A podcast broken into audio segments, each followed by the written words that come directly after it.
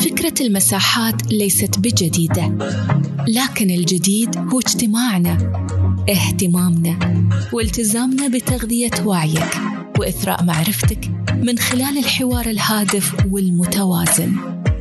مادتنا الأساسية هي المعارف اللي قدمتها أعظم العقول في عالم القيادة وتطوير الذات والتواصل وجمعتها الكتب. رسالتنا هي إثراء عالم المساحات العربية بالفكر الراقي والنقد البناء. أما غايتنا فهي أن تتركنا في كل مرة وأنت بحال أفضل ومعرفة أعمق. حياكم في مساحة ابن رشد لقراءة الكتب.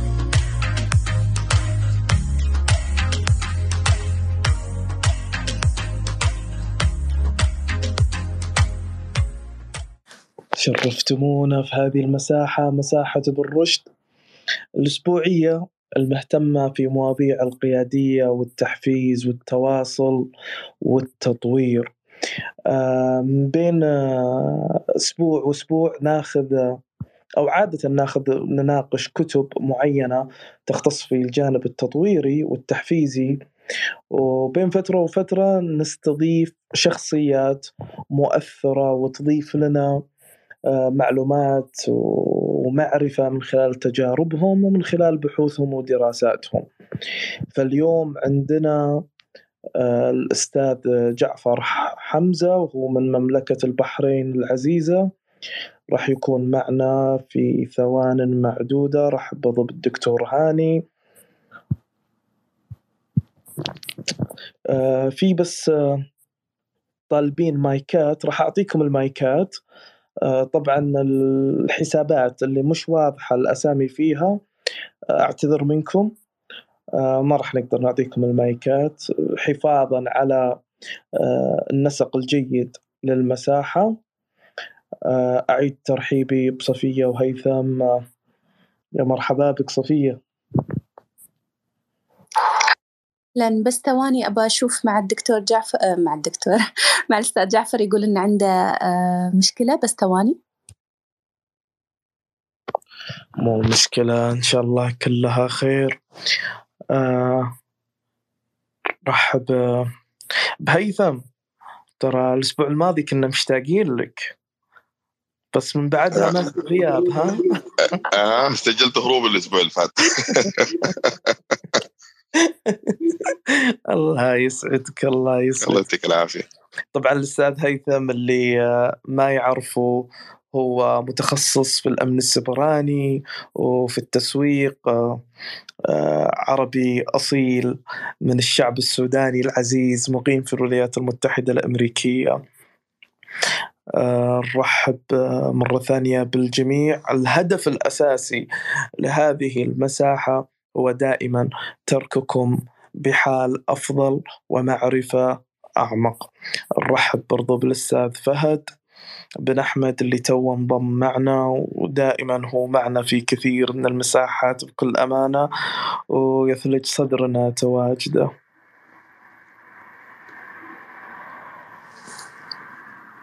آه، أنا أرسلت الرابط للأستاذ جعفر بس ما أعرف آه، هيثم هل تشوف ما أعرف يعني هل عندك فكرة شو ممكن الإشكالية تكون؟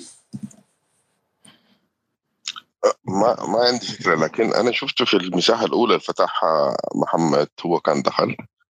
فاحتمال يكون آه، بيحاول يدخل في المساحة اللي بداها في الأول محمد. بالضبط. أنا راح ارسل مرة ثانية لأنه المساحة الأولى ما كانت recording فراح اعمل لها الآن. إضافة مرة ثانية. أبو فهد نرحب فيك يا مسهلا ومرحبا. المكتبة الرقمية نورتنا. لا speaker ثواني بس.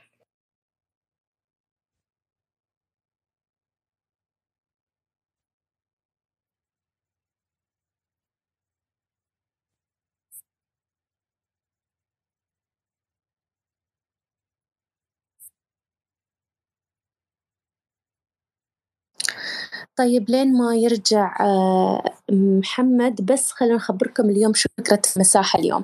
المساحة طبعا مع الأستاذ آه، جعفر حمزة بتكون عن موضوع الهوية الشخصية وأثرها في صناعة الأثر. طبعا أستاذ جعفر حاصل على الماجستير في إدارة الأعمال حاليا يدرس الدكتوراه آه، حاصل على شهادة ال C level في مجال ال brand آه، تقريبا هو أول بحريني يحصل على آه، هذا المستوى من الشهادات في هذا المجال. عنده شهادة دبلوم دولية في الملكية الفكرية من المنظمة العالمية للملكية الفكرية. عنده مجموعة من الكتب في مجال التسويق وال brand والإجتماع. أيضا هو عضو في مجموعة الإرشاد للمناهج في جامعات البحرين وال Polytechnic والعلوم التطبيقية. آه، حاصل على جائزة دولية في مجال الإبداع. آه، اللي هي New York Creativity Awards كذلك حصل على شهادة تصميم صناعي من البحرين وهو معروف كمصنع لتصاميم صناعية متنوعة في مجال آه، العناية الشخصية وغيرها. اليوم المحاور الأساسية راح تكون الهوية الشخصية يعني هل اختلف تعريف هذا المفهوم في عصر الرقمنة؟ شو تأثير يعني ما يحدث آه، في عصر الرقمنة على هوياتنا الشخصية وهوية أو الهوية الشخصية للقائد. ما هو أصلا مفهوم التأثير؟ وكيف يتم بنائه في الشخصية؟ عناصر التسويق الشخصي كيف تتداخل مع صناعة الأثر آه، أبرز أدوات العصر الرقمي في التأثير وطبعا كثير من الأسئلة الأخرى اللي راح ناخذها من الحضور الكريم. آه، ما أعرف محمد هل انحلت المشكلة ولا لا؟ آه، أنا أرسلت عليه و... ولسه الظاهر إنه هو دخل معنا المساحة الأولى بس إنها ما كانت ريكوردد فرديت فتحتها مرة ثانية وأرسلت له الرابط. آه، ممكن يكون معنا خلال أنا طلبت منه يطلع من من تويتر ويرجع مرة ثانية لأنه ممكن بالضبط. أي بالضبط. إن شاء الله يكون معنا خلال الدقائق القليلة القادمة. نرحب بالأستاذ عبد الله الحماد ونرحب بالأستاذة فيروز بداح وكانت آه، معنا على ما أظن في المساحة السابقة هي معنا برضو اليوم. نرحب أيضا بعلياء آه، العلوي أو العلوي. آه، اعذريني لو ما نطقت الاسم بشكل جيد. طيب صفية خلينا ندردش على ما يدخل الأستاذ آه، جعفر. آه، الهوية اليوم الهوية الشخصية اليوم مع عالم الرقمنة تغيرت عن الماضي؟ تحولت؟ صارت لها إضافات؟ إيش أبرز التغيرات اللي حدثت مع عالم مع في العالم الرقمنة؟ بما يخص الهوية الشخصية من رأيك؟ أه، قبل ما أجاوب بس أه، ممكن هيثم أو محمد حد منكم ينشر أه، الرابط في تغريدة في تويتر؟ آه هاي بس يعني هذا الطلب. لأن أستاذ جعفر يقول إنه قادر يشوف أصلا المساحة فما أعرف أنا بعت له حتى الرابط. آه طيب بخصوص أنا, أنا أعتقد إنه أعتقد إن المشكلة اتحلت لكن عاوز أتواصل معه بس دقيقة بس. okay. عرفت المشكلة وين أيوه okay تمام. شفتوا هاي فائدة إن يكون في شخص متخصص في الرقمنه فيقدر يحل هاي الأمور. الهويه آه، الشخصية بشكل عام آه، يعني الناس ينظرون لها إنك أنت كأنك تتعامل مع الحياة كمسرح وأنت تؤدي دور معين على هذا المسرح. طبعا هاي الجذور الأولى لفهم الهوية الشخصية بشكل عام. طبعا الهوية الشخصية آه، لها كثير من الأعمدة اللي تقف عليها. أهمها وجوهرها القيم وال purpose الغاية آه، والتأثير. بالنسبة لوجودها في منصات ال digital أو المنصات الرقمية بطبيعة الحال آه، في تأثيرات كبيرة من حيث من حيث الوسط اللي بدينا نبرز هوياتنا من خلاله وأيضا يتأثر هذا الوسط بهذه الهوية في نفس الوقت. هاي طبعا كإجابة مختصرة آه، أستاذ جعفر أوريدي دخل فمرحبا بك أستاذ جعفر. أهلا أهلا بكم جميعا. سلام عليكم وأنتم مساء. وعذرا على هذا التأخير الرقمي لأن الأمر خارج السيطره للأسف. يبدو أن هناك خلل تقني كان بالهاتف لكن الأمر حصل على خير. الله يعطيكم العافية. وشكرا على هذا التواجد الجميل، شكرا أستاذة صفية على هذا الإثراء، شكرا أخ هيثم أستاذ هيثم على التواصل. وأخونا محمد. وما شاء الله عندنا كوكبة جميلة هنا. أستاذة فيروز أبو فهد الأستاذ ياسر. ما شاء الله قامات جميلة وإن شاء الله بإذن الله الواحد أحد تكون هنا الفائدة العميقة لأن ما سيتم طرحه ربما قد يكون مغاير لما قد يسمع من قبل بإذن الله إن شاء الله وتكون فائدة للجميع. جميل جدا نرحب بك أستاذ جعفر ومنورنا ومتأكدين هذه المساحة بتكون إضافة للجميع أرحب مجددا بكل من انضم إلينا بالأستاذ ياسر بالأخت ابتهال و قالة العرب حساب قالة العرب. آه، وبالاستاذ إبراهيم الاستاذ فاتن كلكم والأستاذة والدكتورة منى. آه، نرحب كلنا باسمه ورسمه. صفية نبدأ مع أستاذ جعفر. أيوه طبعا نقدر نبدأ وب... وراح نبدأ من السؤال اللي أنت طرحته يا محمد اللي هو شو هي الهوية الشخصية ولكن سأترك الشق الديجيتال لاحقا. آه، أستاذ جعفر ما هي الهوية الشخصية؟ وهل فعلا آه، يعني اختلف تعريفها من أول ظهور هذا المفهوم حتى اللحظة؟ بداية طبعا يجب أن نعترف أن لكل منا بصمته الرقمية كما بصمته الفيزيائية إن صح التعبير. ليس الأمر بجديد أن كل شخص من أول ما يخلق على هذه الأرض هو هوية شخصية. لكن الأمر المختلف الآن هو بسبب المشتتات بسبب التنافسية بسبب هذا الزخم المعرفي الغريب العجيب آه، الموجود عندنا خلال على الأقل نقول 20 سنة الفائتة. ما تم صناعته من معرفة يعادل كل معرفة البشرية آه، من أول تعرفها على الرموز لحد هذه اللحظة. فإذا هذا التدفق الغريب العجيب أوصلنا إلى مرحلة التزاحم وهذه المزاحمة دفعتنا دفعا شعوريا قهرا أو جب أو جبرا واختيارا إلى أن يكون أو نبحث عن ما يسمى بصناعة المكانة. صناعة المكانة تتطلب كثير من الأمور لكي تبرز مقارنة بالمنافسين. فإذا لما نتكلم عن الهوية الشخصية موجودة فعلا منها ما أول ما تخلق لحد طبعا لحد حياتنا الدنيا موجود هذه الهوية. آه، لكن الأمر المختلف هي في الأدوات المستخدمة في المحيط الموجود فيه في طريقة إبراز مكانتك مقارنة بالآخرين. لا أكثر لا أقل. طبعا مع هذه آه، التزاحم الرقمي كان ولا بد أن تكون هناك أدوات لصناعة الحضور وصناعة المكانة آه، قرأت أكثر من مقالة قبل تقريبا آه، يعني أيام معدودات. هناك debate كبير جدا في آه، تطبيق. أتمنى أنكم تطلعوا عليه. هو باللغة الإنجليزية لمن يتقن اللغة الإنجليزية. اسمه Medium جدا جميل جدا رائع هذا التطبيق. عدة مقالات مكتوبة باللغة الإنجليزية وممكن أنت تسمعها. ال debate الحاصل أنه البعض يكون مع ال personal branding والبعض الآخر يقول ما هذه خرافة أو ما هذه مثل علوم الطاقة. يعني هناك متاجرة ان صح التعبير في هذا الأمر ولكي يكون منصفا فأنا قرأت الاتجاهين.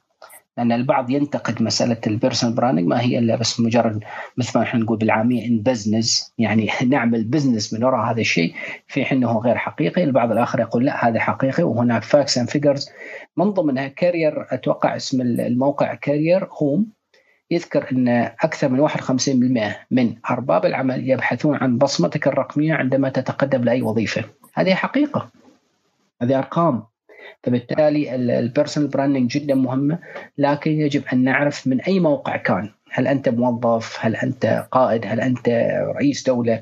هل أنت آه، رائد عمل؟ هل أنت حتى رب أسرة أو حتى مربية منزل؟ نعم كلنا له آه، بصمته الخاصة كهوية شخصية لكن يبقى السؤال الكبير ماذا سأصنع؟ ماذا سأحدث من أثر؟ وهذا هو عنوان المساحة. كيف سأصنع الأثر من خلال هذه الهوية الشخصية. مثل ما ذكرت سابقا البعض وما زال بصمته واضحة بالرغم أنه لا يعرف ال ال الأدوات الخاصة بال digital marketing ومع, ومع ذلك ما زالت هذه الأعلام موجودة ونتكلم عنها. غازي القصيبي كمثال عندنا في دول الخليج العربية كمثال. يعني أيام لا كان في social media ما كان ذلك الحضور الرقمي لكن ما زال يعتبر قامة يعتبر علم. يعني وحتى من طرافة الأمر في في اللغة العربية. في الإنجليزي يقولون branding لما نرجع للأصل هي من burn يعني انه كان تكوى بها الماشية. والماشية كانت تسمى capital وال capital ترمز إلى ال capitalism والرأسمالية. فلاحظ الأمور كيف ماشية من الجانب الغربي لما نرجع إلى اللغة العربية نقول العلامة حتى نقول هذا أشهر من نار على علم يعني فيها الجانب الإيجابي هناك لو نبحث من الجانب اللغوي البحت بعد فيها ايجابيه عندنا في اللغة العربية لكن للأسف لا تستخدم. هذا بالمختصر إن صح التعبير كل له علامته لكن يبقى السؤال في أي محيط تريد أن تتحدث في أي محيط تريد أن تصنع الأثر الخاص بك لكي تنتخب الأدوات المناسبة. سواء كان في المحيط الرقمي أو المحيط الحضوري. أقصد الفيزيائي الفعلي بعيدا أو ما يسمونه ال online وال offline. آه هذا اسهب بس كان هذه مقدمة لابد منها لكي نعرف جذور ما يسمى بالهوية الشخصية. وللعلم في واحدة اسمها تالايا ويلر واحدة من المتحدثات في تيد. أعجبني أمانة الحديث تبعها موجود في تيد باللغة الإنجليزية. تتحدث انه يقول لك المستقبل ال brand هو الآن ميال أكثر إلى ال personalization أكثر من ال corporation يعني ميال أكثر إلى الفردانية منه إلى آه، بالعربي الشركاتيه إن صح التعبير. يعني إلى المؤسسات أكثر. ولا أدل على ذلك من كثير من استناد الشركات إلى المؤثرين بين قوسين إلى الأفراد إلى الأعلام بحيث إن هذه طريقة الدعاية الآن أصبحت أكثر تتمركز في الفردانية أو ال centralization على ال person. وهذا طبعا هي نتيجة المذهب الغربي فيما يتعلق بوضع الفرد كمركزية آه، وتسليط الضوء عليها مقارنة بالشرق مثل الصين وإلى آخره فمذهبهم مختلف في في النظر إلى الأفراد لأن مقدم إليهم جماعات.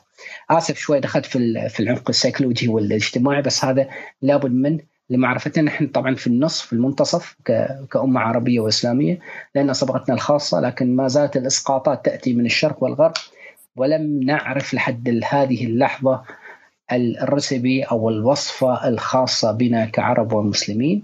لحد هذه اللحظة حسب تصوري. طبعا متواضع ربما أكون مخطئا وأتمنى أكون مخطئا. لكن اخشى أن أكون مثل الغراب الذي حاول يقلد مشية الطاووس. فنسي مشيته ونسى مشية الطاووس. الله يعطيكم العافية. تفضلوا. جميل جدا أستاذ جعفر. وبالعكس هذا إسهاب يضرب مسامعنا. آه، حابب بس أنوه على الأخوة اللي انضموا معنا في المجموعة أو في المساحة حاليا. آه، المساحة راح تكون مدتها فقط 60 دقيقة من الساعة 8 إلى الساعة 9 بتوقيت المملكة من الساعة 9 إلى 10 بتوقيت الإمارات. آه، إذا أحد عنده مداخلة أو شيء بس يطلب المايك ونتمنى أن تكون المداخلة إضافة أو سؤال لم يتم تناوله. طيب أستاذ جعفر آه، إحنا عارفين إنه في مجتمعاتنا وبعيد عن ال personal brand كمفهوم توهج في السنوات القليلة الماضية عندنا السمعة. الإنسان عنده سمعته ومهمة عند الإنسان سمعته. حتى إلى يومنا هذا في ناس يمارسونها مثلا بالزواج إنه يسألون عنك الناس وبالتالي هم يتفقدون سمعتك وماذا يعرفونه عنك. السؤال هو ما هو التأثير؟ هل هنالك لهذه ال personal brand أو للسمعة تأثير؟ وكيف يتم بناؤها في الشخصية؟ طبعا هناك تعريف إلى مارتي نيوماير ويعتبر هذا من عرابي ال brand. عنده كتاب جميل وأنصح بقراءته أيضا لكن الآن لم يعرب وأتمنى التعريف من أحد دور النشر العربية. اسمه The Brand Gap يتحدث طبعا أنا أخذت عنده course اخذت شهادة احتراف في هذا المجال. طبعا اختلف معه في شغلات بسيطة جدا والاختلاف طبيعي. آه، هو يختصر يقول لك إن ال brand هو ال gut feeling يعني الصورة الذهنية أو أو الشعور المنطبع عند الإنسان على الطرف الآخر سواء كان هذا الطرف الآخر فرد أو مجتمع أو دولة أو شركة أو منتج إلى آخره. لكن أنا اختصرتها باختصار اللغة وجزالة اللغة العربية. ما العلامة إلا سمعة. نقطه نهاية السطر. والسمعه تبنى من الصورة الذهنيه، من التكرار، من الربط الشرطي من التعزيز في تقريبا إلى أربع إلى خمس خطوات حتى تتكون السمعة. والسمعة وإن صعب بناؤها إلا أن هدمها سهل جدا مثل ما قال وارن بافيت تبني سمعتك في سنوات عديدة وربما تهدم في ثواني معدودة. فباختصار ممكن أن تكون تكون تعريف العلامة أو بين قوسين ال brand هي السمعة. السمعة هي اللي تجعلني آخذ الأكشن آخذ الفعل سواء بالقبول أو الرفض سواء بالاقتراب أو الابتعاد سواء بان تكون العلاقة ودية مع هذا الشخص أو هذا الشيء الكلام عن الاثنين سواء كمنتج أو فرد أو مؤسسة أو دولة أو حتى شعب أو مجتمع أو فكرة أو أو لا تكون العلاقة ودية. كلها مبنية على السمعه ومشكلتنا في السمعه وهنا بيت القصيد. مشكلتنا في السمعه إن صناعتها جدا صعبة ومبنية رقم واحد على مسبقات الذهنية والمسبقات الذهنية تبنى من خلال المحيط فبالتالي يكون عندي حكم مسبق. قبل ما مثلا أتكلم مع أخونا محمد مثال على ذلك أنا أسمع إشاعة والإشاعة طبعا جزء من السمعة لكن بطريقة سلبية. أسمع أن أخونا محمد آه، أشياء سلبية. التقيت به وجها لوجه. الصورة الذهنية المنطبعة عن أخونا محمد already بنيت وصارت ال calculation صارت الحسابات وصار فيه نفور نفساني حتى قبل أن يتحدث محمد. وهذه مشكلة كبيرة وطبعا هذه حر فيها الأنبياء قبل كل شيء. دائما وصموا بالسحر وصموا بالشعوذة وصموا بأشياء كثيرة سيئة لكي يتم آه، آه، عملية صنع النفور ما بين المجتمع الخاص بالأنبياء والأنبياء أنفسهم. وقس على ذلك ما دونهم. من مخترعين وعظماء ومصلحين إلى حتى نصل إلى الافراد البسيطة التي تعتمد على سمعتها لاحداث الاثر. فلما نرجع على المستوى أنت ما أدري ليش يعني ليش ذاكر الزواج في الموضوع بس بشكل عام لما نتكلم عن قضية السمعة في as personal brand لها لها عظيم الأثر سواء كنت موظف أو مدير أو صاحب business أو صاحب رسالة ليس بالضرورة أن تكون عندك business أنا عندي رسالة أريد أن أحدث الأثر على بيئتي الخاصة على مجتمعي على على منزلي فطبيعة الحال لما ابني يقول لي والله فاقد الشيء لا يعطيك كما يقال. يعني أنت تنصح بشيء لكن سمعتك مخالفة لهذا الأمر. فبالتالي يجب أن تكون الصورة الذهنية مطابقة للفعل الحضوري. وإلا بيكون هناك عندنا هو ما بين الصورة وما بين التطبيق وما بين المفهوم وما بين المصداق. فبالتالي لا تكون هناك سمعة يكون عندنا هناك شرخ في هذا الموضوع. لذا حتى الشركات الضخمة دائما يقول لك أن يجب أن يتوافق الموعود بالموجود. يعني تذهب إلى شركة يقول لك نحن أسرع خدمة أو حتى تذهب إلى شخص إذا نتكلم عن الأشخاص إنه مثلا friendly إنه ودود ويخدم وكذا. هذا ما يسمع عن بين قوسين سمعته لكن عندما تقترب منه وتطلب منه الخدمة أو تتفاعل معه ترى الأمر جدا مخالف عما سمعت عنه. فبالتالي مخالفة الموعود بالموجود هنا شر كبير. فبالتالي يتم فقدان مع الوقت أو word of mouth حديث المجال النقل السلبي والنتيجة يكون تكون هناك سمعة آه، سلبية والسمعة السلبية طبعا آه، آه، آثارها معروفة من ناحية أن الصورة الذهنية المبنية عندك تكون مشروخة وما يترتب على ذلك من من عدة أمور سواء فقدان إلى فرص أو حتى إغلاق أبواب قبل فتحها. جدا مهم بناء السمعة سواء كان للشركة، أنا ليش قاعد أتكلم عن عدة مستويات؟ أتكلم من دولة إلى ما دون ذلك. لأن في الأخير رأس مالنا في حركتنا أمام أنفسنا امام الآخرين هي سمعتنا. والسمعة طبعا ما هي إلا brand كتعريف بسيط. هو نفس اللي قال عن جيف بيزوس تبع مؤسس أمازون اللي يقول لك إن ال brand عندما يتحدث الآخرون عنك عندما لا تكون في الغرفة. طبعا ترجمة حرفية لكلامه وهو مختصر السمعة باختصار يعني شديد جدا. فرد على كلامك عزيزي محمد. نعم السمعة يجب أن تبنى. طبعا تأخذ وقت كثير. وهناك تحديات كبيرة في قضية صناعة السمعه ربما نتحدث عنها لاحقا. نعم تفضل. جميل جدا. تفضل هيثم. شكله هيثم مشغول. قبل ما هيثم يسأل إذا يسمح لي آه، بما أن أستاذ جعفر قلت موضوع التحديات آه، هيثم جاهز لطرح سؤالك أو؟ لا واصل واصل مشكلة. okay so so, قبل ما أعطي السؤال لهيثم بس فقط هذا السؤال السريع. ذكرت موضوع التحديات فهل ممكن آه، تفصل شوية فيه؟ ما هي أهم التحديات اللي تواجه صناعة السمعة أو أو صناعة الهوية الشخصية؟ إذا بنتكلم أستاذة صفيه على الهوية الشخصية وأنت ما شاء الله عليك أنت بروح الشهوية ما شاء الله personal brand آه، في عدة أمور في عدة أمور يجب مراعاتها وهي متعبة. سابقا قبل ال social media الأمر أخف. لأنه معتمد على تجارب الناس القريبة منك وهم من يكون رسل القوم عنك باختصار لما اتفاعل مع أحد خلاص حتى أصحاب الدكاكين البسيطة أيام قبل ال social media فهذا الشخص يتكلم عني بشيء جيد فتنتقل مثل ما يقول word of mouth وانتهى الموضوع. الآن المسألة أصبحت معقدة نوعا ما وهذا طبيعي نتيجة التزاحم الرقمي الذي ذكرناه سابقا. رقم واحد إذا نريد نصنع السمعة يجب أن نعرف تقريبا هي 5 to 6 Cs أنا already ذاكرها سابقا في في كتيب كتبت من قبل إن شاء الله سيكون الحديث عنه لاحقا في ربما مساحات قادمة. رقم واحد لازم إحنا نعرف ما الهدف الخاص في أنا كشخص. سواء كنت أرجع أقول سواء كنت موظف أو مدير أو قائد أو حتى رجل له رسالة إيجابية للمجتمع، ما هي الرسالة؟ واحد. بعد الرسالة يجب أن اعرف الجمهور المستهدف، بعد الجمهور المستهدف يجب أن اعرف الأداة المستخدمة للتواصل مع هذا الجمهور المستخدم آه، المستهدف. بعد ذلك يجب أن تكون المساله نقطة مهمة جدا هي الكونسستنسي يعني التناسبية أو التناسقية في الرسالة، مو معقولة مرة أطلع كشخص متحدث باللغة العربية ولا ولي جزالة في الفلسفة إلى آخره وأحضر يوم آخر وأتكلم في السياسة يوم رابع أتكلم في الرياضة ويوم هذه هذه الفسيفساء ضارة جدا.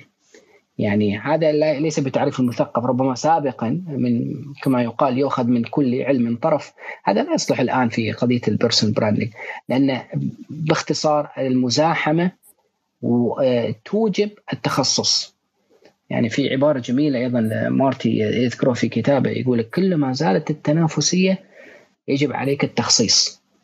وكلما خفت التنافسية ممكن أن تكون من التعميم. وهذا اللي نلاحظه في علماء العرب والمسلمين الأوائل ما شاء الله. هذا رياضي وفلكي وفقيه وإلى آخره. الآن لا.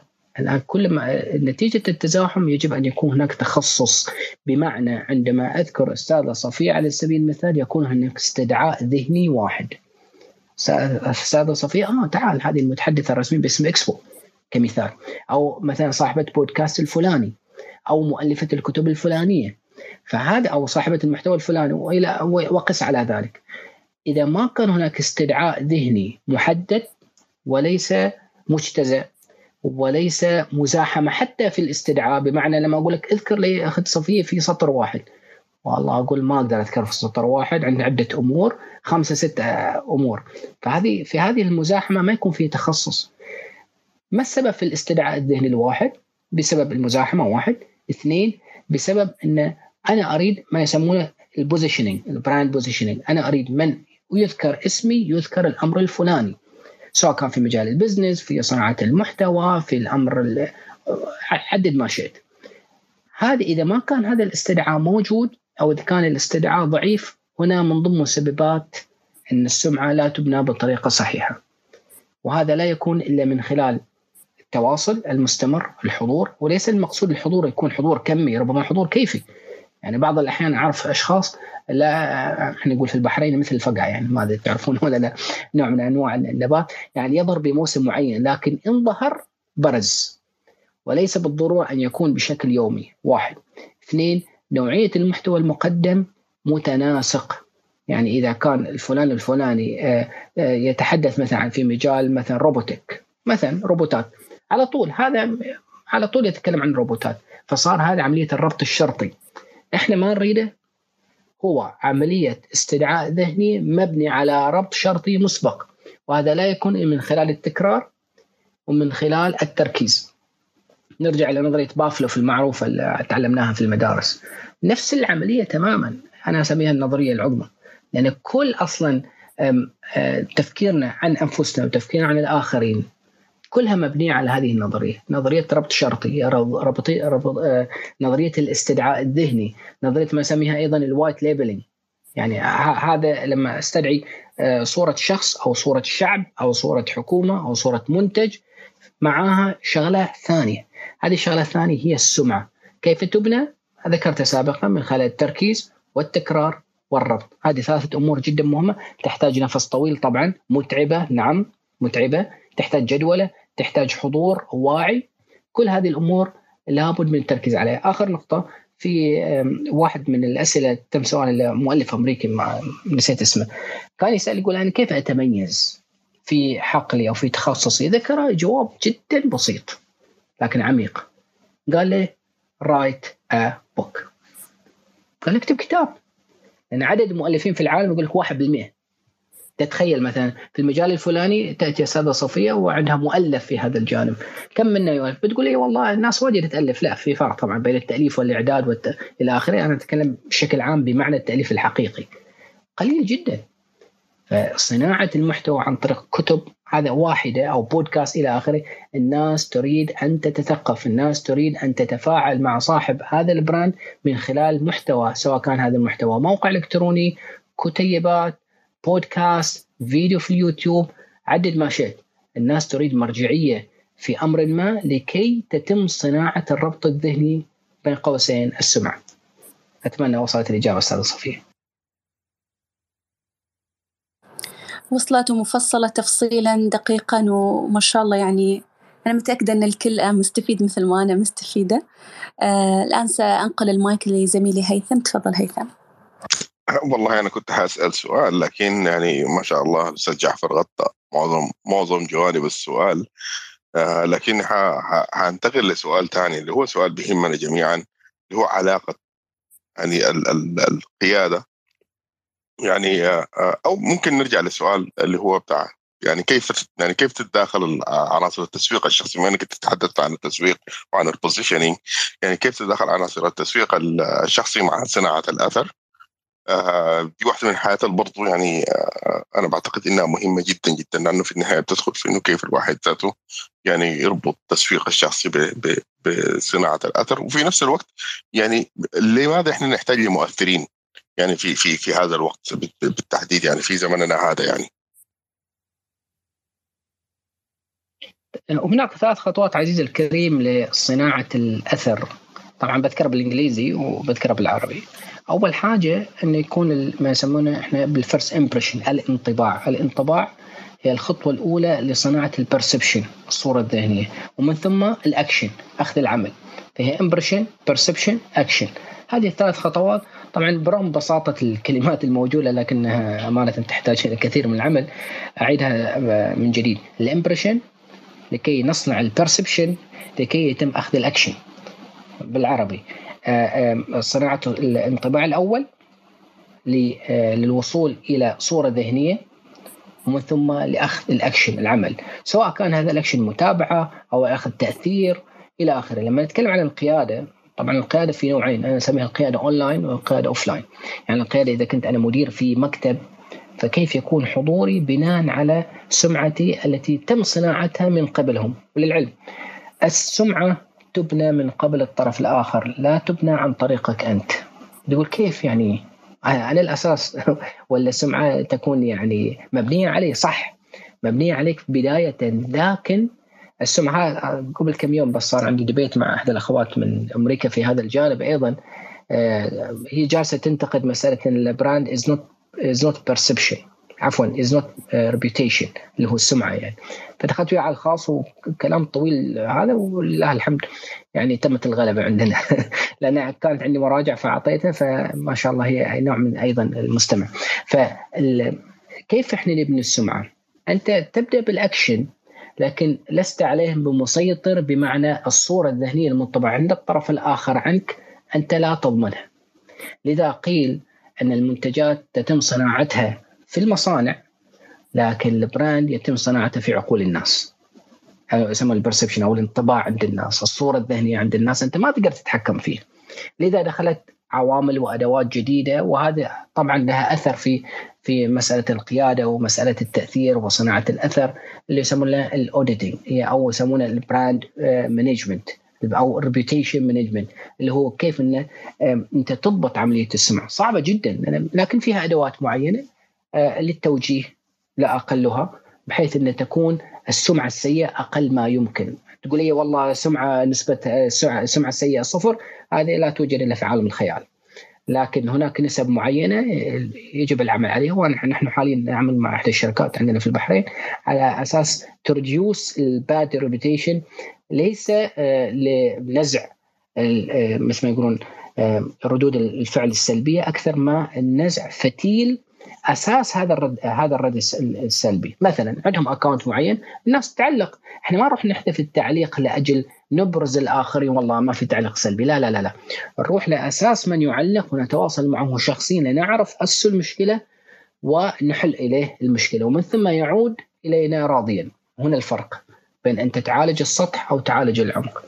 فبالنسبة لقضية انه ما علاقة القيادة بالتأثير ولماذا نحتاج مؤثرين؟ طبعا طبيعة الحال الآن للأسف الشديد آه، هناك انكفاء لكثير من المثقفين والمفكرين ويقولون والله هذا البحر مو بحرنا مثل ما يقولون بالعامية إحنا نقولها يعني إن هذا ال social media إلى آخره. بالعكس هذا إن, إن, إن أنت انكفأت فطبيعة الحال غيرك سيظهر على السطح سواء كان هذا الغير حامل رسالة أو غير حامل رسالة سواء كان سلبي أو إيجابي.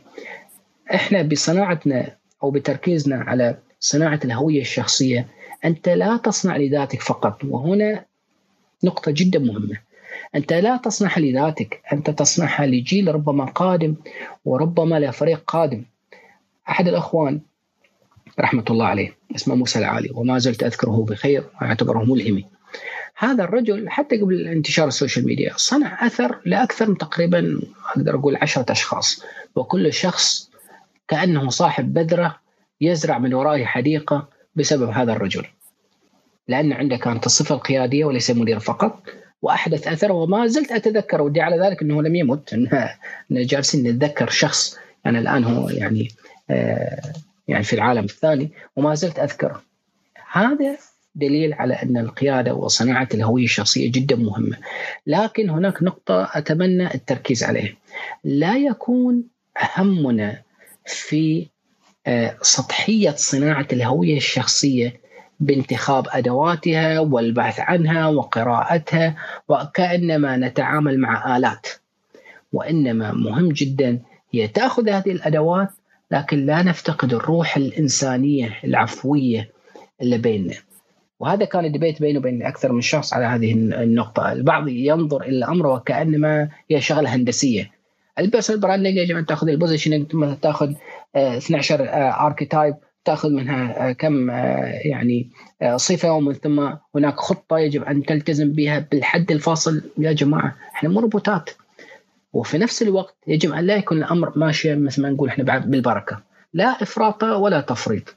أنت ابني على هويتك أنت ك character كشخصية ومن ثم تزودها بالأدوات اللازمة لإيصال الأثر المطلوب. سواء كنت موظف أو كنت tea boy حتى tea boy نعم يؤثر أو حتى حارس أو حتى رئيس دولة. لا فرق. فهذه النقطة أنا ألاحظ آه، أخونا محمد ذكر آه، عبارة جميلة يقول هذا التوهج. خوفي من هذا التوهج يكون هناك نوع من الانغماس في معرفة الأدوات ونبتعد عن روح معنى الهوية الشخصية.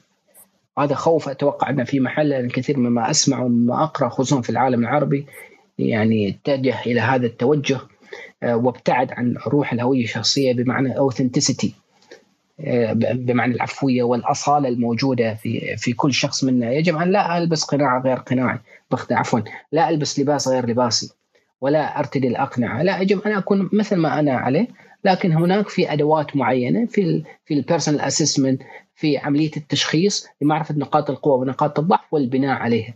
وليس ادعاء ما ليس لي. عذرا اسب كثيرا فقط لأن الموضوع عميق جدا شوي نعم. لا على العكس على العكس الكلام جميل جدا جدا. وأنا عجبتني نقطة ال authenticity آه، خالص. لأنه حقيقة يعني في ناس كثيرة جدا ما يعني بتخلط بين إنه يعني لأنه ال authenticity وإنه الواحد يلبس قناع آخر. يعني افتكر إنه مثلا مرات ال personal branding إنه الواحد آه، يتقمص شخصية غير شخصيته. هو في الواقع ده ما حقيقي وفي نفس الوقت آه، بتتجاهل موضوع ال authenticity لأنه أنت لما تكون ما authentic آه، زي ما بقول يعني الأصالة لما تكون ما موجودة آه، بتخلق نوع من من عدم الواقعية. وأشكر أشكر جدا أستاذ جعفر وأنتقل لأخوي محمد لو عندك إضافة. والله أبد ما في إضافة على هذا الكلام. أنا بس عندي سؤال وقبل أطرحه ودي أخذ مداخلة الدكتور والمهندس عبد اللطيف. وبالمناسبة هو الدكتوراه ماجستير في الاقتصاد ومهندس ومستشار ومدرب ريادة أعمال وتطوير ذات وإعلامي برضو. فناخذ أول شيء مداخلة الدكتور عبد اللطيف. السلام عليكم. مساكم الله بالخير جميعا. ويا أهلا وسهلا فيك أخوي محمد صفية مكتبة رقمية جعفر هيثم يعطيكم العافية. المقدمة اللي سويت لي أخوي محمد هذه اللي أبغى أشارك فيها آه، جعفر عزيزي في مدرستين مدرسة تقول التخصصية في مجال معين بس في مدرسة تقول لا مالتي وهذه الم- الم- المدرسة أنا ماسك خطة من أكثر عن 30 سنة. لأن عندي هي هكذا أنا أفضلها. هي المدرسة عندي الأفضل. وأبني ذلك على العلماء القدامى. وليس له علاقة في منافسين ما في منافسين. عندما الله سبحانه وتعالى يعطيك قوة عقل ودماغ يستطيع أن يستوعب ما يمكن أن يستوعبه لا أوقف عند نقطة معينة. لا أوقف ابدا ابدا ابدا. تمسك خط تبدع فيه تمسك خط الثاني تبدع فيه تمسك خط ثالث تبدع فيه هكذا. حتى ظهرت فلسفة ال- لو بس الدكتوره منى كانت موجودة معنا وطلعت فلسفة ما تسمى بالثقافة الثالثة في الإدارة وفي جزء منها يطلع عندك القائد الموسوعي الذي تكون لديه عدة مجالات كثيرة وهذه المجالات تفيده وتخدمه في أي موضوع يدخل فيه. فقط أنا هذه مشاركتي لأن بس أنا دائما أميل وأدعم وأشجع. ليس التخصص لأن هذه فكرة أجنبية بحتة تقيد الشخص في موضوع معين لا ابدا. وحتى ما يقول واحد مثلا والله لا التخصص يعطيك عمق بعطيكم قصة اليوم حدثت مع صديق بروفيسور. يحكي لي فقال قال في عام 1900 حوالي 68 كان سني 23 سنة طالب آه، دراسات عليا. الجامعة اللي أنا فيها بنسلفانيا تدعو اللي حاصلين على جائزة نوبل للسلام. فدعت يومها دكتور خاص متخصص في الكيمياء الحيوية. قال ألقى محاضرته. ثم سمحوا بعشرة أسئلة فقط. من وسائل الأسئلة دكاترة وبروفيسورية موجودين للحضور فقال التعليق الجميل قال من من عشرة ثمان أسئلة قال لا أعلم. هذا صاحب تخصص. ثم أردف بعد ذلك فقال في مايو هذه السنة دعيت. لأنه متخصص كذلك دعيت لحضور كذلك محاضرة أونلاين هذه الآن. شخص متخصص في مجال فتكلم في مجال العلوم الإنسانية. أنهى ثم طلبوا فقط آه، 15 سؤال. قال ثمانية أسئلة قال فيها لا أعلم. عشان ما ما نعقد المسألة ونحجمها نقول إذا دخلت في التخصص وعمق أنت تصبح الآن أكثر إدراك في هذا الموضوع. مش دائما مش دائما خاصة يوم ندخل في الدراسات العليا عارفين باتشلر أنت تاخذ كل شيء. ماجستير أنت تبدأ تقل. دكتوراه أنت عندك نقطة واحدة. نقطة واحدة. تايتل مالك إذا تغير معناه موضوع ثاني آخر بحث آخر. ابحث فيه. الدكتور محمد معانا في هذا المجال الآن شغال في هذه الزاوية. هذه نحترم اللي يقول تخصص واحد بس ما في مشكلة عندنا. لكن رأي ثاني هو التخصصات العدة. يعطيكم طيب. العافية. دكتور دكتور دكتور قبل لا. تروح. قبل لا تروح طيب أنا شخصيا أتفق معك تماما. ولكن الأستاذ جعفر بكل أمانة تتحدث عن النقطه اللي هي الاستدعاء الذهني. يعني اليوم لما أحد يقول أبو الجوهرة وش أول صورة ذهنية تصل عند الإنسان؟ لما يقول الدكتور آه، عبد اللطيف وش الصورة الذهنية أنا اللي بعطيك مشهد. أنا بعطيك. مشهد. تفضل. تفضل. وهذه الصورة الذهنية بنيت عني. ونسوا تخصصاتي الأخرى التي سويت فيها بحوث وكتب. نسوها نسوها. العزعزي ها الموضوع الفلاني. لدرجة من يمكن حق واحد يقدم لي واحد. يا أخي أنا مش هذا المجال. أنا عندي عدة مجالات كذا وكذا وكذا. واضح الفكرة؟ ها هم هم. لكن لو واحد عن ناس ثانيين يشوفوني مثل الحين انت شفت ال CV يقول لك اي هذا متخصص بالاقتصاد. okay صحيح. يجيك واحد ثاني يقول لك يا أخي أنا متخصص بالإدارة. يجيك واحد ثاني يقول لك يا أخي متخصص أسري. نعم. عندي عدة مجالات وعميقة وفيها كتب فيها بحوث فيها فيها إعلام كبير فيها أشياء كثيرة. بنيت على مدى 27 سنة. اذا ممكن نعم ممكن. ليش؟ الله هكذا أعطاك القوة العقلية الدماغية العجيبة. أنا عندما أعلم أن طفل إلى سن أربع سنوات يستطيع أن يتكلم أربع إلى خمسة لغات دون أن يغلط بحرف واحد. جراتسيا ولا جراتسيا ولا ما لا يغلط فيهم. إذا في قوة عقلية دماغ لكن عندما وهذه النقطة الجوهرية يقول عنها علماء الدماغ خاصة الجهاز العصبي علم النفس العصبي يقول لك يعني بعد ما تحط نفسك في قوالب معينة أنت كأنك قطعت كأن عندك صلصال وتبغي تنحت تمثال. فبتبدأ تنحت في أشياء بس ستزال سترمى لأنك هكذا ثبته لكن عندما تطلع بشكل أوسع حلو توسع ما عندك مشكلة. إذا عندك القابلية ما عندك مشكلة. تقول أنا ما أقدر أقول لك ما عندك مشكلة. it's up to you الشيء اللي اللي يناسبك سويه. لكن أنا ليش أحرم نفسي؟ أنا ماخذ الحين 21 دبلوم في تخصصات عدة. منها تستهويني من الطفولة. وأنا متعمق فيها. ومنها هي كمعلومات سند لي. يجيني محامي اتكلم عن محاماة. يجيني طب الشخص بالمجال الفلاني أستطيع أتكلم معاه. لأن عندي الفكرة وعندي المفردات ففي أشياء آخذها لي ك information تعطيني قوة كمستشار ككاتب ك... كإعلامي أستطيع اني أتناقش فيها لأني فاهم ال basic ماله أو فاهم ما دون ال basic حسب التخصص أو حسب العمق اللي درسته. لكن في أشياء لا لا أشياء أنا أنا أعيشها. أطبق هذا وأطبق هذا وأطبق هذا وأطبق هذا. هذه الفكرة. لكن أنت الآن شو أخذت عني؟ نعم في غيرك أخذ عني زاوية ثانية مختلفة مختلفة تماما. يعني بعطيك أنا بالإعلام الآن بالإعلام تمام؟ تلفزيون الشارقة خلاص ماخذ عني انطباع هذا في الجانب الأسري. لقاءاتي كلها في الجانب الأسري. بتلاقيه سما دبي تعرف إني في الاقتصاد. تاخذ في الاقتصاد. ال MBC تعرف اني في الاقتصاد. تاخذ في الاقتصاد. فالاذاعات يأخذوني في بمجال الأسرة والإدارة. هم شافوا هذا الشيء لأن سمعوني في مجال معين قرأوا كتاب في الموضوع الفلاني فاخذوا من خلال هذا الزاوية. فأنا ضليع بهذا وضليع بهذا وضليع بهذا. مش علي أنا كمثال واحد في أمثلة كثيرة. تعرف أستاذ جعفر يعني في النهاية كلامك بجد هو منطقي وكلام سليم جدا جدا لكن يعني هذا برضه ما بين التخصصية ليش؟ يعني مثلا ال ال يعني مثلا أنت في شخص مثلا لما تقول له كلمة أوبر راح يتذكر إنه الأماكن اللي عاوز يروح يتذكر السيارة ويتذكر كذا في شخص آخر تقول له كلمة أوبر حيتذكر الأكل. يعني برضه ال positioning بيعتمد برضه على ال medium وعشان كذا أنا حأدي الأستاذ جعفر آه، فرصة يتحدث ويرد على على الحديث هذا يعني. بس قبل الرد شكرا دكتور محمد على المداخلة الجميلة ولي وجهة نظر مختلفة ولي استدعاءاتي الخاصة في هذا الجانب. لكن قبل ما أتكلم أبو فهد أتوقع دكتور عبد الله يا جعفر نسيتني يا جعفر. صديقك وعزيزك. أنا هذا هذه الميم دوختني مع الناس. كله محمد محمد. عذرا عذرا عزيزي. شوف هذا اللي هو ما في focus. okay آسف. لا ما في مشكلة عادي. الله يحفظ أبو فهد رافع يده إذا يتداخل بعدين أنا تفضل تفضل أبو فهد. مساحة مساحتك أخوي. لا أبو فهد أبو فهد يحك ايده كانت ايده فيها حكة فقاعد أحكها. السلام عليكم. طيب. عليكم السلام والرحمة. آه على السريع كذي أستاذ جعفر آه أنا أبي يعني قصة سريعة تكون على شركتين شركة ناجحة في ال branding وشركة تشوف أنها رديئة في ال branding وما هي الأسباب ليش نجحت هذه الشركة وليش الشركة الثانية آه brand عندها ضعيف.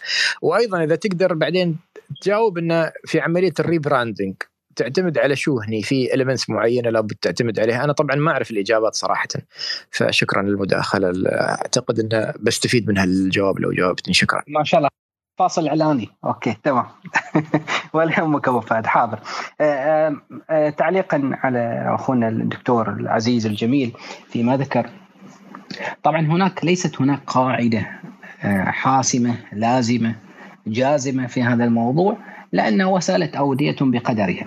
في البعض عنده هذه القدرة أو ما يسمون بالشخص الموسوعي. ودائما أضرب المثل بعلمائنا العرب الأوائل المسلمين اللي ما شاء الله مثل ما ذكرت سابقا يعني متعدد هو رياضي هو فلكي هو فقيه هو ما شاء الله كيميائي إلى آخره. آه، طبعا ذلك في زمانهم. الآن الإشكال ليس في مسألة قدرة الفرد. هذا لا إشكال لأن مثل ما ذكرت أنا عندي القدرة أنا كدكتور أنا عندي القدرة كذا وكذا وكذا وعندي المحتوى ما شاء الله عليك. أنت دكتور مؤلف 30 كتاب ترى شغله مي سهلة يعني. وعندك 21 دبلوم وعندك وعند الإشكال ليس فيما تحتويه. أنا ذكرت سابقا الإشكال فيما يتم الاستدعاء له عنك. أنت تقول لي والله القناة الفلانية تستعيني في آه، الجانب التربوي والآخر في الجانب. ممتاز. لكن كسؤال لو أنت مثلا تريد تقدم على وظيفة كمثال. تمام؟ فتحتاج إن يكون هناك صورة ذهنية منطبعة عند صاحب رب العمل عنك عندما تقدم وظيفة. فعلى قولة إخوان المصريين مش بتاع كله يعني. يعني ما شاء الله أكثر من جانب هم يريدون تخصص معين. مثل ما ذكرت سابقا ليس هناك إجابة صحيحة وإجابة خاطئة. التحدي الكبير هو في الاستدعاء الذهني الذي تريد الذي تريد أن يكون عنك لا أقل لا أكثر من ذلك. هناك عبارة جميلة باللغة الإنجليزية تذكر في طبعا هي عبارة في الناحية العلمية البحتة. يقول إن our brains are hardwired uh, notice what's different يعني لما تشوف نقاط بيضاء في سبورة ونقطة مختلفة اللون بشكل لا شعوري الإنسان دائما يذهب إلى الشيء المختلف من الباترنز أو من النسيج المكرر. ليش؟ طبيعة بشرية. فطبيعي لما يكون عندي شخص معين عنده في تخصص تخصص واحد هذا يعطيه الأسبقية مقارنة بشخص عنده نفس التخصص زائد تخصصات مختلفة. طبعا بتكون هناك أمور أخرى من ناحية ربما المقابلة الشخصية ربما امتحانات. هذا الحديث آه، يعني خطوة ثانية. الآن مع كل هذه التخصصات الموجودة في هذا العصر مع وجود مثل ما أنا أسميه الزخم وال يعني الزخم المعرفي المتدفق الغريب اللي ما نقدر نلحق عليه يعني خلال ست دقائق أمور تتغير. سابقا كل عشر سنوات كل ما جت تقلصت الفترة أنا كبشر كإنسان لي حدودي نعم وسأتولدني بقدري والله أعطاني هذا العقل لكن هناك قدرات محددة لأن أنت كبشر عندك timeline محدد وهو العمر الخاص بك على هذه الأرض. 60 70 80 سنة إحنا نقول بالعامية إيش بتلحق ما بتلحق يعني؟ فلازم يكون عندنا focus على أمر معين لكي تحدث الأثر وهذا عنوان المساحة صناعة كيف أصنع الأثر؟ ربما الآن أنت ما شاء الله عليك تصنع الأثر في هذا الجانب وهذا الجانب وربما أنا أسمي صناعة الأثر مثل صناعة الحفرة بس لكي تشبيه فيزيائي. فتصنع نعم هناك حفرة وهنا حفرة وهنا حفرة. نعطيها مثال عملي. أنت الآن دكتور بيني وبين مثلا أخونا محمد كمثال أنا بطلع من الصورة عشان لا أكون في مجال المنافسة. زين أنت دكتور ما شاء الله عليك عندك خمس تخصصات. كمثال واستاذ محمد عنده تخصص واحد وعندكم وقت خمس ساعات. أنت عندك القدرة في خلال خمس ساعات تحفر أكثر من منطقة في ذات مثل الجدول الزمني. والأخ محمد عنده تخصص واحد وعنده بذات الوقت. اي هاي يستطيع أن يحفر أعمق؟ طبعا أخ محمد لسبب بسيط لأن عنده تخصص واحد عنده مهمة واحدة عنده وقت محدد فبالتالي العمق الحفرة بيكون أكبر من الآخر بسبب ما أقول التشتت لكن بسبب التفرع. لأن التشتت ربما يكون يعني صفة سلبية. أقول التفرع. تمام؟ فهذه الفكرة وما فيها. مثل ما أرجع وأقول ما في إجابة صحيح صحيحة ما في إجابة خاطئة.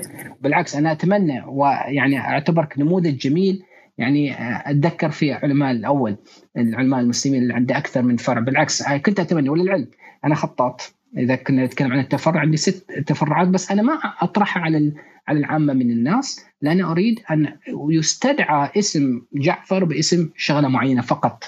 ولا أنا خطاط. martial art يعني عندي black belt وأمور أخرى هذه ما اخليها في مقدمة ما يتم تعريفه بهذا الرجل الذي اسمه جعفر. فأنا أريد تخصص واحد فقط أبرز فيه. بقية الأمور ربما تكون آه، دواعم لكن لا تكون هي القوائم.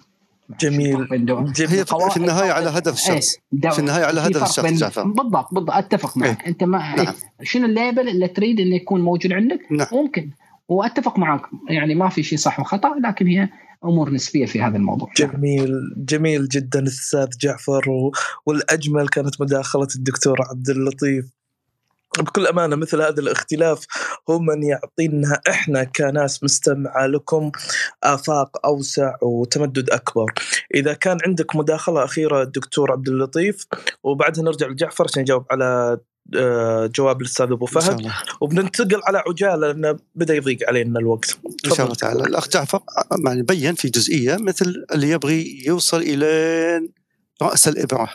في ذلك المجال في تلك الزاوية. في ناس في ناس تحتاج رأس الإبرة. في ناس لا تحتاج المساحة. في ناس لا تحتاج العمق. هذه على هذه على هذه على هذه. فما أقدر أنا أقول لكل الناس خليك رأس الإبرة. أنا أعيب على دكاترة انه ما يقدر يفهم الشيء الفلاني لأنه يقول لك مش تخصصي لكن مدح غيرهم من لديه الموسوعية أنت شو تبغي يسمونك؟ يسمونك مثل ما تبغي، أنا أبغي يسموني عدة مجالات تخصصات، حتى البعض يطلق علي الموسوعية أو الشخص الموسوعي. okay مبسوط جدا فيها لأن أنا أساسا هكذا موسوعي. وهذه صفة وصفة من صفات القيادة. فاللي يبغي كل واحد اذا قلنا كل واحد أنت شو تبغي بالضبط. it's up to you. حريتك انت. مبسوط بهذا؟ ممتاز. صح وغلط؟ ما في صح وغلط. مثل ما قال جعفر ما في صح وغلط. جميل. انت شو تبغي بالضبط؟ يعطيكم العافية. جميل جدا. الله يعافيك وسعد الله بروحك آه، أستاذ جعفر آه، نرد بس على إجابة الأستاذ أبو فهد وبعدين ناخذ على عجال الأخوان. آه، طبعا أستسمح منك أستاذ جعفر إذا يناسبك الوقت إن نمدد آه، ربع ساعة.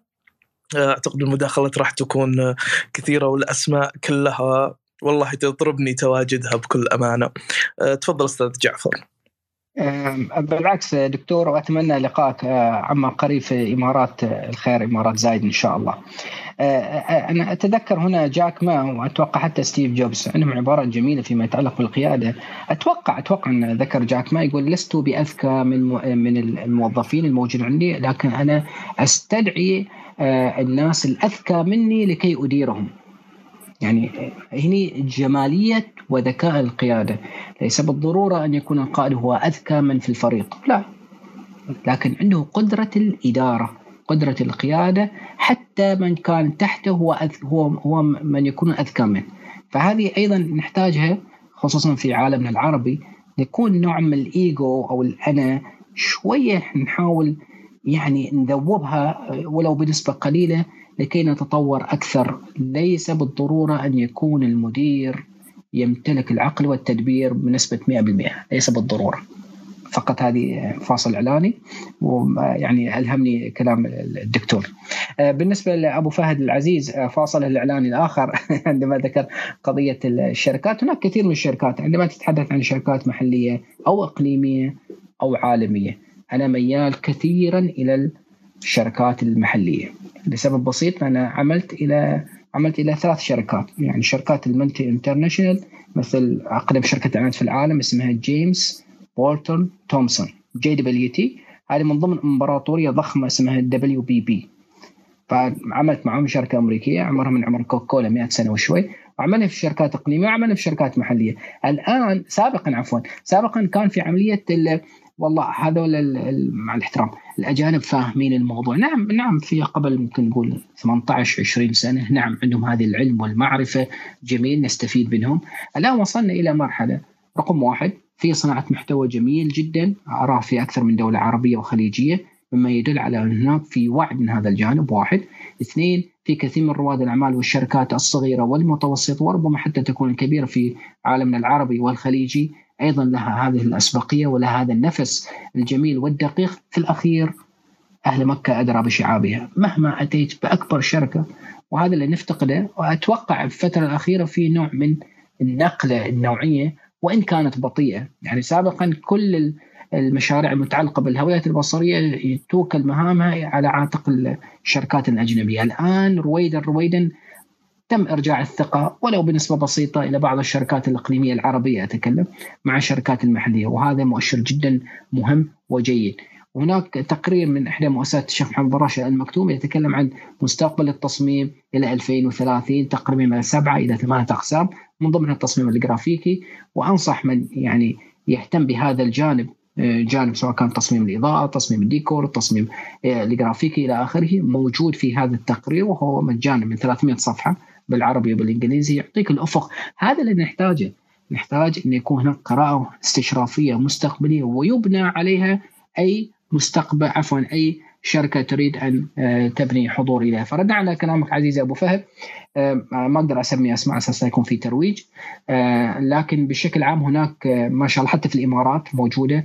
الزخم السعودي ما شاء الله يعني تظهر علاماته بشكل فارق جدا وواضح. في الفترة الأخيرة سواء كان حضور مساحات أو حضور أعمال أو حتى أعمال بشكل عام في مجال آه، ال brand.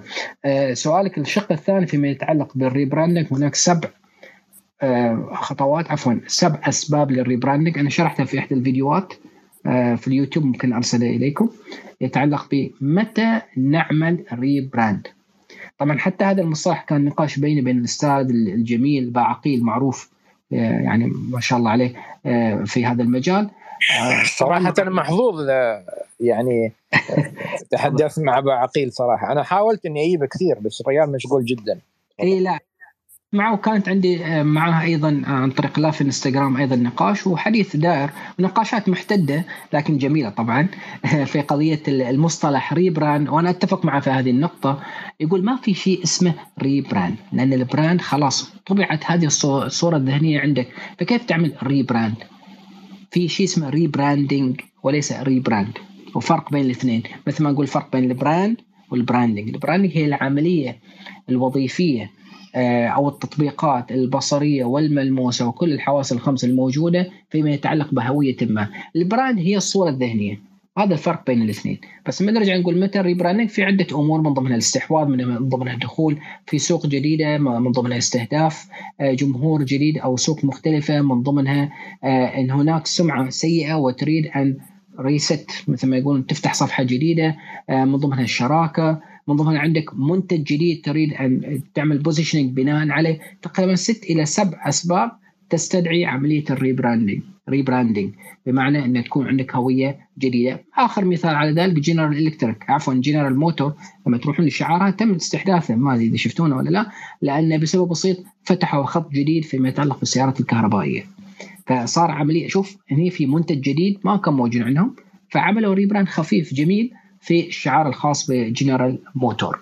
هذا واحد من الأمثلة. طبعا هناك أمثلة أخرى كبيرة عندنا إحنا في الوطن العربي. ما تلاحظ الفرق أصلا. تحطهم على بعض ما تشوف الفرق بسيط. الإنستغرام كمثال كان بس مجرد الدرجة من درجات الألوان في زاوية معينة فقط تكة بسيطة. ربما يعني بعض الأسباب هي أسباب بزنس بحت ما له علاقة حتى بالشكل البصري. يعني فيما يتعلق بالأسهم فيما يتعلق انه في هبة جديدة إلى آخره من أمور. فهناك أكثر من سبب لكن بشكل عام هناك سبعة أسباب وأنا ذكرتها بالتفصيل في إحدى الفيديوهات ممكن أرسل إليك وهو باللغة العربية موجود إن شاء الله. شكرا. جميل جدا. العفو على هذا الطرح أستاذ جعفر ونشكر أستاذ أبو فهد على مداخلته الجميلة. آه، اعذروني لو ما كنت في التسلسلية عادل. آه، بس راح نبدأ من الدكتور هاني ومرة ثانية على عجالة. آه، عشان بس نستفيد من الوقت. تفضل دكتور هاني. مرحبا السلام عليكم. عليكم السلام والرحمة. حياكم الله. أهلا وسهلا بالأستاذ جعفر ومستمتعين حقيقة بالطرح الجميل والحديث الشيق حول موضوع الهوية. لو تخليني أستاذ محمد بس أنا أنا مداخلتي شوية مرتبطة بالتعلم وترتبط بمداخله الدكتور عبد اللطيف حول تخصصية. بس خليها آخر شيء عشان ما ما نفصل الأفكار إذا في في أفكار مرتبطة حول الهوية. فما أعرف وش رأيكم. تفضل. فممكن تعطي لي بعد اذا إذا أحد عنده مشاركة حول موضوع الهوية عشان ما نقطع الأفكار معه.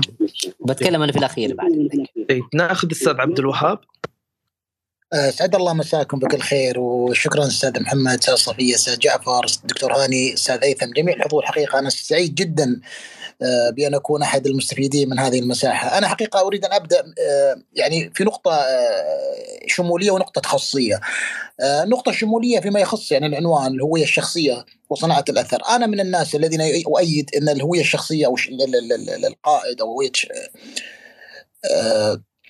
القائد الشخصيه تنطلق من عدة يعني من عدة أسس منها معرفية وعلمية وسلوكية وأدائية وجغرافية وتاريخية هي خليط حقيقة. آه، من هنا يأتي دور القائد في قضية صناعة بيئه بيئته الخاصة، أنا أعتقد أن الهوية الشخصية القائد آه، من يقرأ عن القيادات ومن وما يميز الشخصيات القيادية حتى المؤسسات القيادية والرائدة هي أنها لا تقبل الوضع الذي يعني وجدت فيه أو وجدت نفسها فيه. ما يعني ان أن الهوية لا تتشكل بشكل تلقائي إنما هي تشكل، يعني القائد يستطيع أن يشكل هويته الشخصية. آه لذلك هو يستطيع أن يغير بيئته آه حتى بيئته الجغرافية حتى بيئته التاريخية يستطيع أن يوجد له حتى تاريخ ويكتشف له يعني آه أسس أو أرضية جديدة. فمن هنا تأتي أهمية صناعة البيئة بالنسبة للقائد. أنا أيضا استوقفني الحوار الذي دار بين الدكتور عبد اللطيف والأستاذ جعفر حقيقة كان مهم جدا والدكتور جعفر.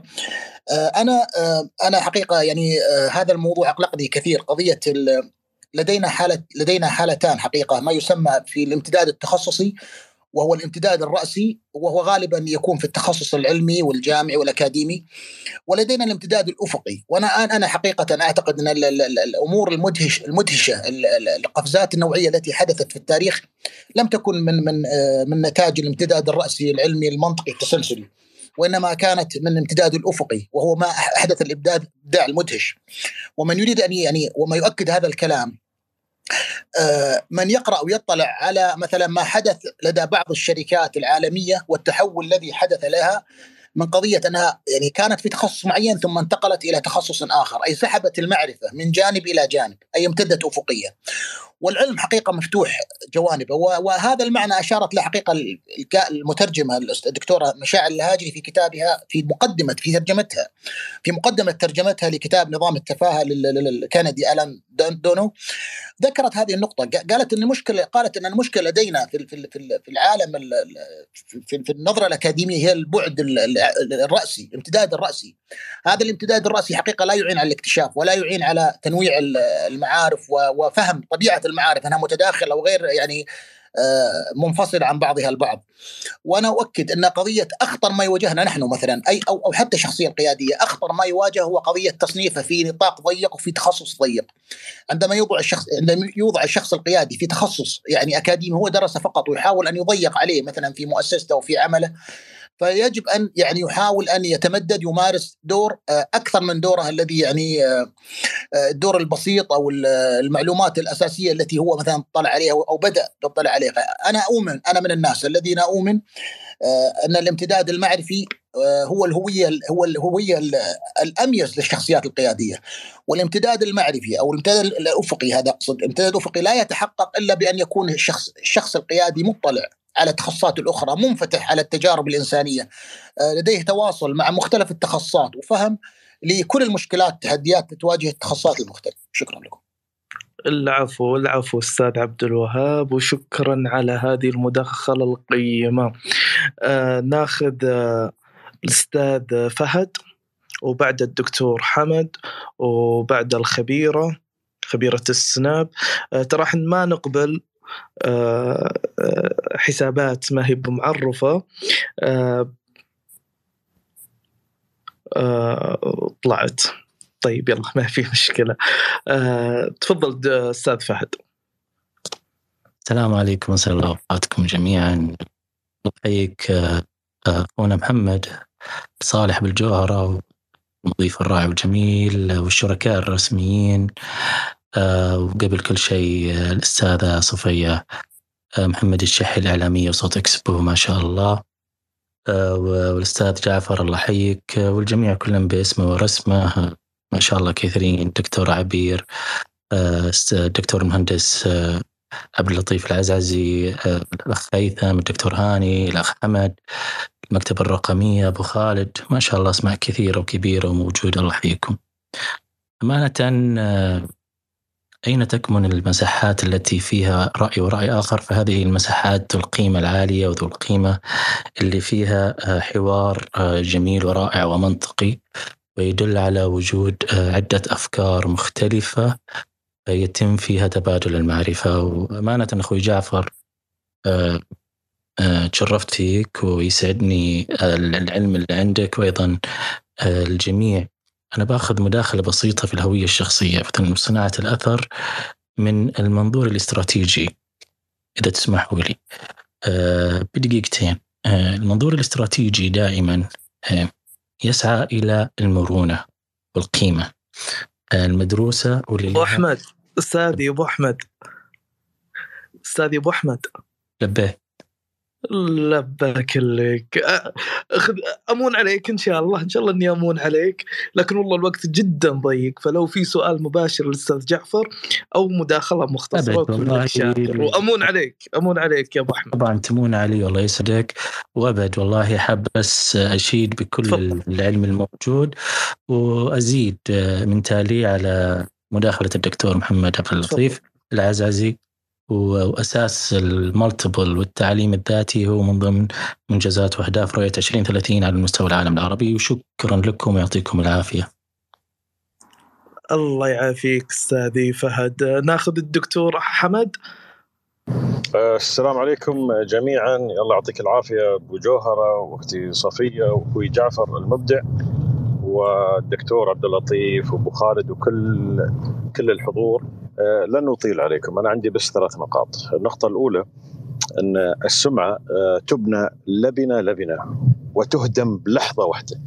أه، أيضا حتى في لحظات الهدم هدم السمعة هناك نفس ما ذكر أخونا جعفر هو reb rebranding يعني بستوضح أن لما نقول بيل كلينتون بيل كلينتون سمعت بيل كلينتون آه، دائما يتبادر في أذهاننا آخر شغلة هو سواه ولكن هو قام بعملية ال rebranding وأصبح متجه إلى الأعمال الخيرية وإلى هذا الشيء نفسه حتى يبان أن بصورة جديدة وهي ال rebranding. هذه شغلة. الشغلة الثانية أخوي جعفر أنا أعتقد آه، أن الجمهور يلعب دور في تحديد ال branding، فئة الجمهور. يعني مثال بسيط في عالم الأعمال لو أنا أقول لك مولينكس كل الناس تحسب مولينكس هي شركة فقط للخلاطات. هي ظهرت للعامة بهذا الصورة ولكن تتفاجأ إن شركة مولينكس هي هي يعني تبني التوربينات للطائرات وهي أيضا لها في المجال العسكري هذه شركة مولينكس اذا هي تسويقها وتركيزها في المجالات العسكرية في للجهات العسكرية. بينما بينما مولينكس لعامة الناس نحن بس نعرف نعرف الخلاطة بس إن هذه هي المونيكس فبالتالي أنا أشوف إنه تحديد الفئة. زين هذا يجرنا إلى النقطة الثالثة اللي ذكرها الدكتور عبد اللطيف قضية التخصصية. أنا أشوف إن أحادي التخصصية في العالم آه، اجلكم الله هي الحشرات. الحشرات رب العالمين خلقها. بتخصص واحد آه، تستطيع فعل شيء واحد. ولكن نحن البشر نستطيع أن نفعل أشياء كثيرة. ولكن آه، أنا معك إن أصلا آه، دكتور عبد اللطيف هناك براند لدكتور عبد اللطيف. اسألني أنا من هو الدكتور عبد اللطيف؟ هو مفكر إماراتي هو مثقف آه، موسوعي إماراتي. اذا هذه هي السمعة لدكتور عبد اللطيف. أنا بنظري وأنا يعني خاويت دكتور عبد اللطيف أكثر من 20 سنة في هذا المجال. أنا أشوف أنا أشوف إن حينما نتكلم عن قضية الفئات يعني على آخر نقطة بتكلم فيها أنا حمد الجابري في تويتر بصورة المحب والمغامر في أمريكا اللاتينية وأيضا حاط من ضمن ال profile متخصص في ال AI ولا تغريدة تكلمت في ال AI ولكن في اللينكدين زين أتكلم في ال AI وأيضا لي آه، آه، ارتباطات مع جهات عالمية في ال AI وفي الإنستغرام أنا أحب التصوير مصور وحتى آه، التقيت بفئات مصورة فوتوغرافية من خلال الإنستغرام. وأيضا في تويتر التقيت بأناس محبين لأمريكا اللاتينية. فبالتالي أنا حددت الفئة وحددت التطبيق الذي أتحدث فيه. فأنا أشوف إن كل واحد لديه branding آه، لحمد الجابري. بالعكس خير وبركة. والمعذرة على الإطالة وشكرا. يطول لي عمرك دكتور حمد وابد كلكم خير وبركة. آه ناخذ آه المهندس أبو منصور وبعد أبو خالد. تفضل. يا مرحبا وسهلا حياكم الله. والله ما عندي إضافة كبيرة ولكني كنت أتساءل صراحة هل في فرق بين المدرسة الغربية والمدرسة الشرقية في مسألة التشعب أو أو المنهج التشعبي خلينا نسميه والمنهج الخطي؟ وهل هناك فارق بين المجال الاقتصادي ومجال الأعمال وبين المجال مجال الثقافة مثلا؟ نحن نسمع الغربي يقول jack of trades is master of none ولكن إذا جينا وشفنا الأمثلة الواقعة لوجدنا أن هناك تشعب أيضا مثل ما ذكر الأخوة في بعض الشركات في مجال الاقتصاد حتى في مجال الثقافة. فهل الجمع بين الأمرين أن الإنسان المفروض أن يكون في بدايته يمشي على منهج خطي آه، ويبدع في مجال معين ثم بعدين يبدأ يتشعب هل هل هل هذا هو أفضل؟ يعني من ناحية إن الإنسان آه، قد يكون مسألة التشعب في الثقافة في مجال العلم في مجال التجارة يتطلب يعني مجهود كبير على الإنسان. جميل جدا جميل. محمد بس أعلق تعليق بسيط ونخلي الباقي. تفضل في هناك ما تسمى بدراسات المستقبل المبنية على استشراف المستقبل. حتى التوصية أن الشخص ما يكون عنده تخصص واحد. تخصصين وثلاثه. وفي هناك تخصصات جامعية أصبحت جديدة لأنها تدمج بين عدة مجالات. أعطيكم مثال بسيط. طبيب الأسنان اللي يبدل لك السن ويركب لك سن أو يسوي لك تاج. تعتقد هو اللي سوى لك هذا السن؟ لا أعطيك القصة الحقيقية. هناك ثلاث تخصصات مهندس كيميائي ومهندس ميكانيكي والطبيب الأسنان المهندس الكيميائي يحدد المادة التي تتناسب معك. ثم المهندس الميكانيكي يعمل الشكل فيعمل عليه عملية الضغط يتأكد يتحمل الهرس ويتحمل الدك ولا لا. ثم الطبيب الأسنان يركب لك إياه بما يتناسق مع أسنانك. الآن طلع تخصص يجمع 3 in 1 ثلاثة في واحد. أمور كثيرة طلعت جديدة. الهندسة الطبية. شو دخل الهندسة بالطب؟ دمجوها. محامي مع علم نفس شو اللي يمنع؟ ما يمنع. الآن العالم بدأ يتحرك تجاه بدوا يبعدون في جامعات ما زالت الآن. مثلا أنت الآن في التخصص الفلاني في الباتشلر ممنوع تأخذ ماجستير إلا في نفس التخصص. وممنوع تأخذ دكتوراه إلا في نفس تخصص الماستر نفس تخصص البشر جامعات طلعت من هذه طلعت منها لأن ما قامت تنتج.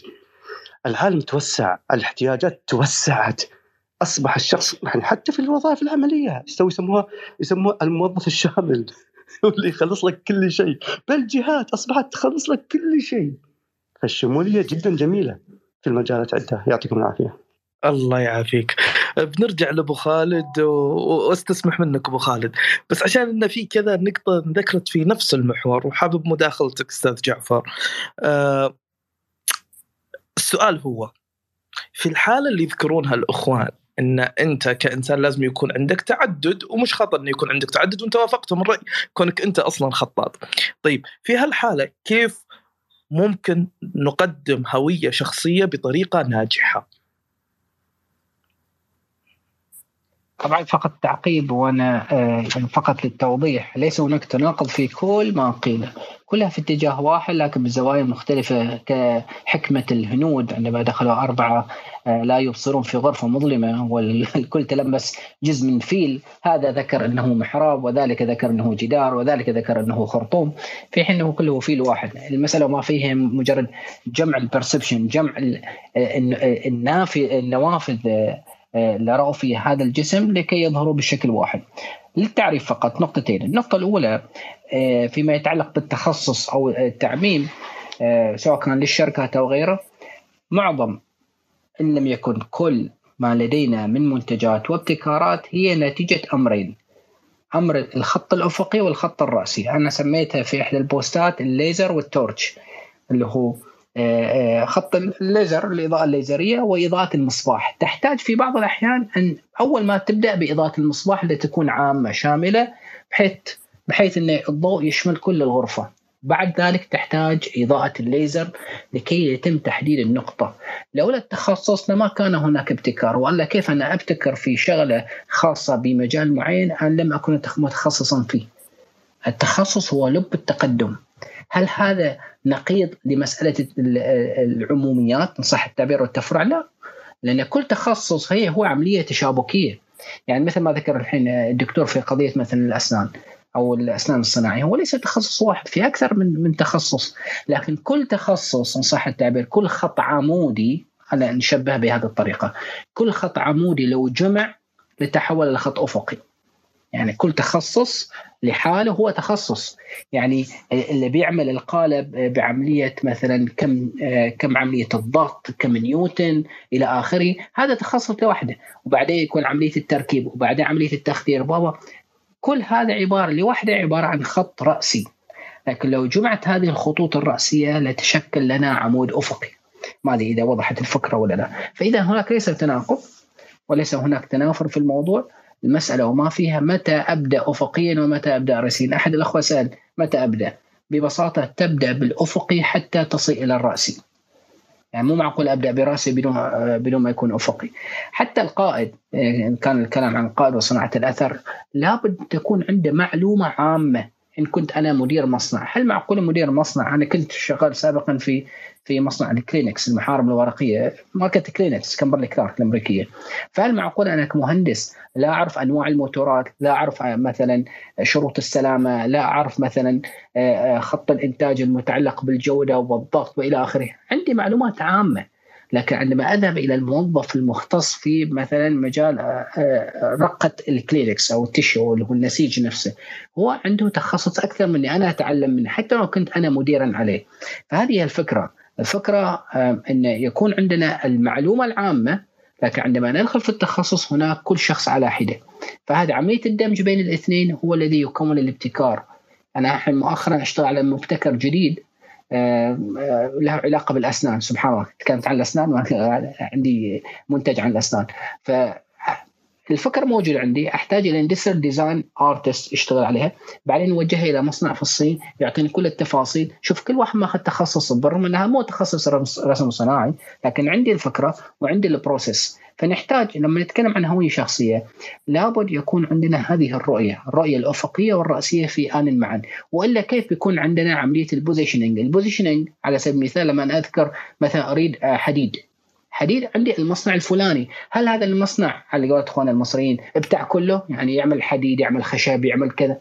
كل ما كان هناك تخصص كان هناك مصداقية أكبر وارتفع منسوب وقع الأثر نتيجة هذا المصنع أو هذه الشركة أو هذه الخدمة، لذا هناك وجب التخصص في هذا الأمر. فلا يكون عندنا عملية خلط بين التخصص كبزنس والتخصص كمعرفة وربما الجمع بين الاثنين. أنت في الأخير لما تريد أعطيك مثال أنا ابني اليوم كان مريض في عنده مشكلة في, في الأذن. ممكن أروح لطبيب عام لكن لا قلت لا لازم أروح إلى طبيب مختص في الأذن. ممكن يعني فهذا الطبيعه أنا أشوفها مسألة بسيطة بس ربما التفاصيل تدخلنا في في دهاليز نوعا ما ربما نحتاج التوقف عليها قليلا. لا لمعنى أن أنا رأيي صحيح. لا لا لا كل ارائنا صحيحة لكن ربما النظرة من نوافذ مختلفة وبالعكس أنا أستفيد منكم في في هذه النقطة. لكن لما ننظر إلى حياتنا اليومية إذا نريد شيء في تخصص ما لابد أن نذهب إلى المتخصص لا نذهب إلى العام. طبعا عام ربما نحتاجه كقائد ربما لكن في الأمور التخصصية المحورية المفصلية لابد الرجوع إلى المتخصص كونه أعلم. طبعا كونه أعلم بالسياق العام الموجود مع استثناء طبعا مثل ما شاء الله عليه الدكتور يعني صار مثقف الموسوعي وهذا من القلائل جدا. فهذه نقطة. النقطة الثانية الأخ أتوقع حمد؟ دكتور؟ نعم أنا ما عندي مداخلة أنا ما عندي مداخلة بس أنا أريد أسلم على هيثم. لأن هو بعث لي في في في الخاص قال يا أخي سلمت على الكل ما سلمت عليه. هيثم بارك الله فيك بهزر معك يا أنا بهزر معك يا أخوي أحمد. المعذرة على المعذرة على المقاطعة أخوي جعفر والله العظيم. يا أخي ما تزعل أنا بهزر معك يا أخوي حمد يا أخي ما بيناتنا. لا عزيز غالي عزيز. آه فلما ذكرت عن قضية آه مثلا أنت وجودك في الإنستغرام غير يعني هذا ما فيها مسألة خلاف في الموضوع لكن مهم جدا إذا كان عندك جمهور مستهدف يكون خطابك موازي لهذا الجمهور المستهدف. باختصار لذا سايمون سينك عنده هذه الدائرة الذهبية ولا أنا اختلفت معه في شوي في النقطة ودائما اذكر يقول لك إنه تبدأ بلماذا؟ عندك كتاب جميل Start With Why يقول why بعدين what وبعدين how أو عفوا يكون why بعدين how بعدين what. okay؟ لماذا؟ وبعدين أنت شنو نوع المنتج؟ كيف تصنع المنتج أو الخدمة؟ ومن ثم كيف تقدمها ما هي طبيعة المنتج؟ طبعا كان عندي في هذه النقطة وذكرت في لينكدين قلت لها الأخ سايمون سينك مسألة هو وهي مهمة جدا. الجمهور المستهدف على أي أساس أنا أتحدث وأعرف السببية الخاصة بي وأعرف نوعية الخدمة والمنتج إن لم أعرف الجمهور المستهدف، بناء على الجمهور المستهدف تتم صناعة المحتوى، يتم صنع... يتم انتخاب الأداة المناسبة من من منصة سواء كان إنستغرام أو لينكدين إلى آخره. فهذه نقطة أيضا جوهرية في صناعة الأثر، لا يكون الأثر إلا بمعرفة من يقع عليه الأثر. لذا الأنبياء عليهم السلام آه، عرفوا كيفية خطاب الجمهور. يعني في عصر نبي الله موسى كان مثلا منتشر فاتى بمعجزة تتناسب مع عصره. وكذلك نبي الله عيسى وكذلك خاتم الأنبياء. فهي هي العملية بسيطة جدا. تعرف من الجمهور المستهدف وبناء عليه تنتخبه. البعض ينتقد يقول أنت واجد تتكلم فصحى آه، يعني كلماتك شوي إحنا نقول بالعامية غلقة شوي. لما أذكر تويتات فأنا قلت أنا لا أستهدف الجميع. فالمسألة ما فيها هو انتخاب الجمهور. إن انتخبت الجمهور وبناء عليه تتم صناعة المحتوى وبناء عليه تتم صناعة الأثر ولو بعد حين. فهذه النقطتين آه، قضية الشمولية أو التخصصية. والنقطة الثانية فيما يتعلق ما يسميه سامر سامن جولدن سيركل طبعا مع حلقة هو فقدها. لا لا أعلم ما السبب. اللي هي هو اللي هو ذكرها أخونا الدكتور حمد في مسألة معرفة الجمهور المستهدف. بدون معرفة الجمهور المستهدف لا يمكن تصنع الأثر. ببساطة سواء كنت أنت مدير أو رئيس دولة أو حتى يعني آه، آه، موظف وعندك ناس تحتك فلا بد تعرف الجمهور وبناء عليه تتم معرفة الخطاب. وشكرا. جميل جدا أستاذ جعفر. شرح كافي ووافي وأن اختلفوا الأخوة في الأمر فهذا الاختلاف يزيدنا آه، اطلاع. ويزيدنا إضافة. ناخذ أبو خالد وبعد خالد وبعد الدكتور هاني وراح نختم بإذن الله. تفضل أبو خالد. الله مسي عليك بالخير يا حبيبي. أخونا الأستاذ محمد وجعفر الحبيب الغالي سعيد بسمع صوتك يا أخونا جعفر. بارك الله فيك. وسلم على أختنا الكوهوست صفية. ما شاء الله يعني نور المساحه تبارك الرحمن والجميع حقيقه مشكور يا حمد الجابري على الدعوة الحلوة الجميلة دكتورنا. والعزعزي و هاي العزعزي ريحتني العزعزي حق عور قلب. يعني الهوية الشخصية وصناعة الاثر خلونا في جزئيه الهوية الشخصية يعني. يعني ما المقصود بالهوية الشخصية؟ يعني سؤال بحيث نحن يعني يمكن في في آخر المساحة الحوارية ما نبي إحنا آه، نصعد فوق وننزل تحت وكذي. الهوية الشخصية هي يعني آه، مجموعة آه، إمكانيات. مجموعة امكانيات تعني في هذا الشخص وكاريزما معين هذه الإمكانيات وهذه الكاريزما ممكن أن يعني تصنع اللي هو الاثر أبو خالد أبو خالد. طول لي عمرك الصوت مو واضح. الصوت عندك مو واضح.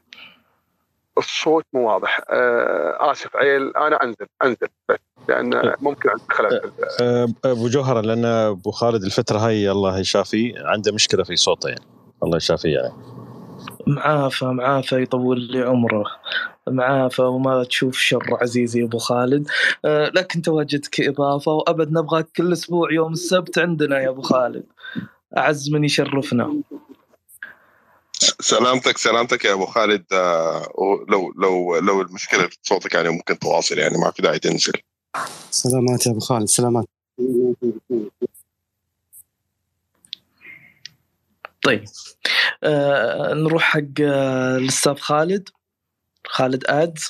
السلام عليكم. الله يعطيكم العافية جميعا. أستاذ محمد أستاذة صفية أو حبيبنا أستاذ جعفر. أنا اليوم مستمتع جدا. آه وأخيرا آه مسكنا الأستاذ جعفر. مقل في الحوارات. طيب على الهوية الشخصية. أنا اليوم عندي سؤال واستفسار آه يعني ولا يروح على أنه العرب العرب والغرب يعني أتمنى ما لا تفهم خطأ. اليوم الهوية الشخصية حقت الغرب لها تأثير في العالم مو في الوطن الغرب العربي لها تأثير في العالم أكثر من الهوية للشخص العربي.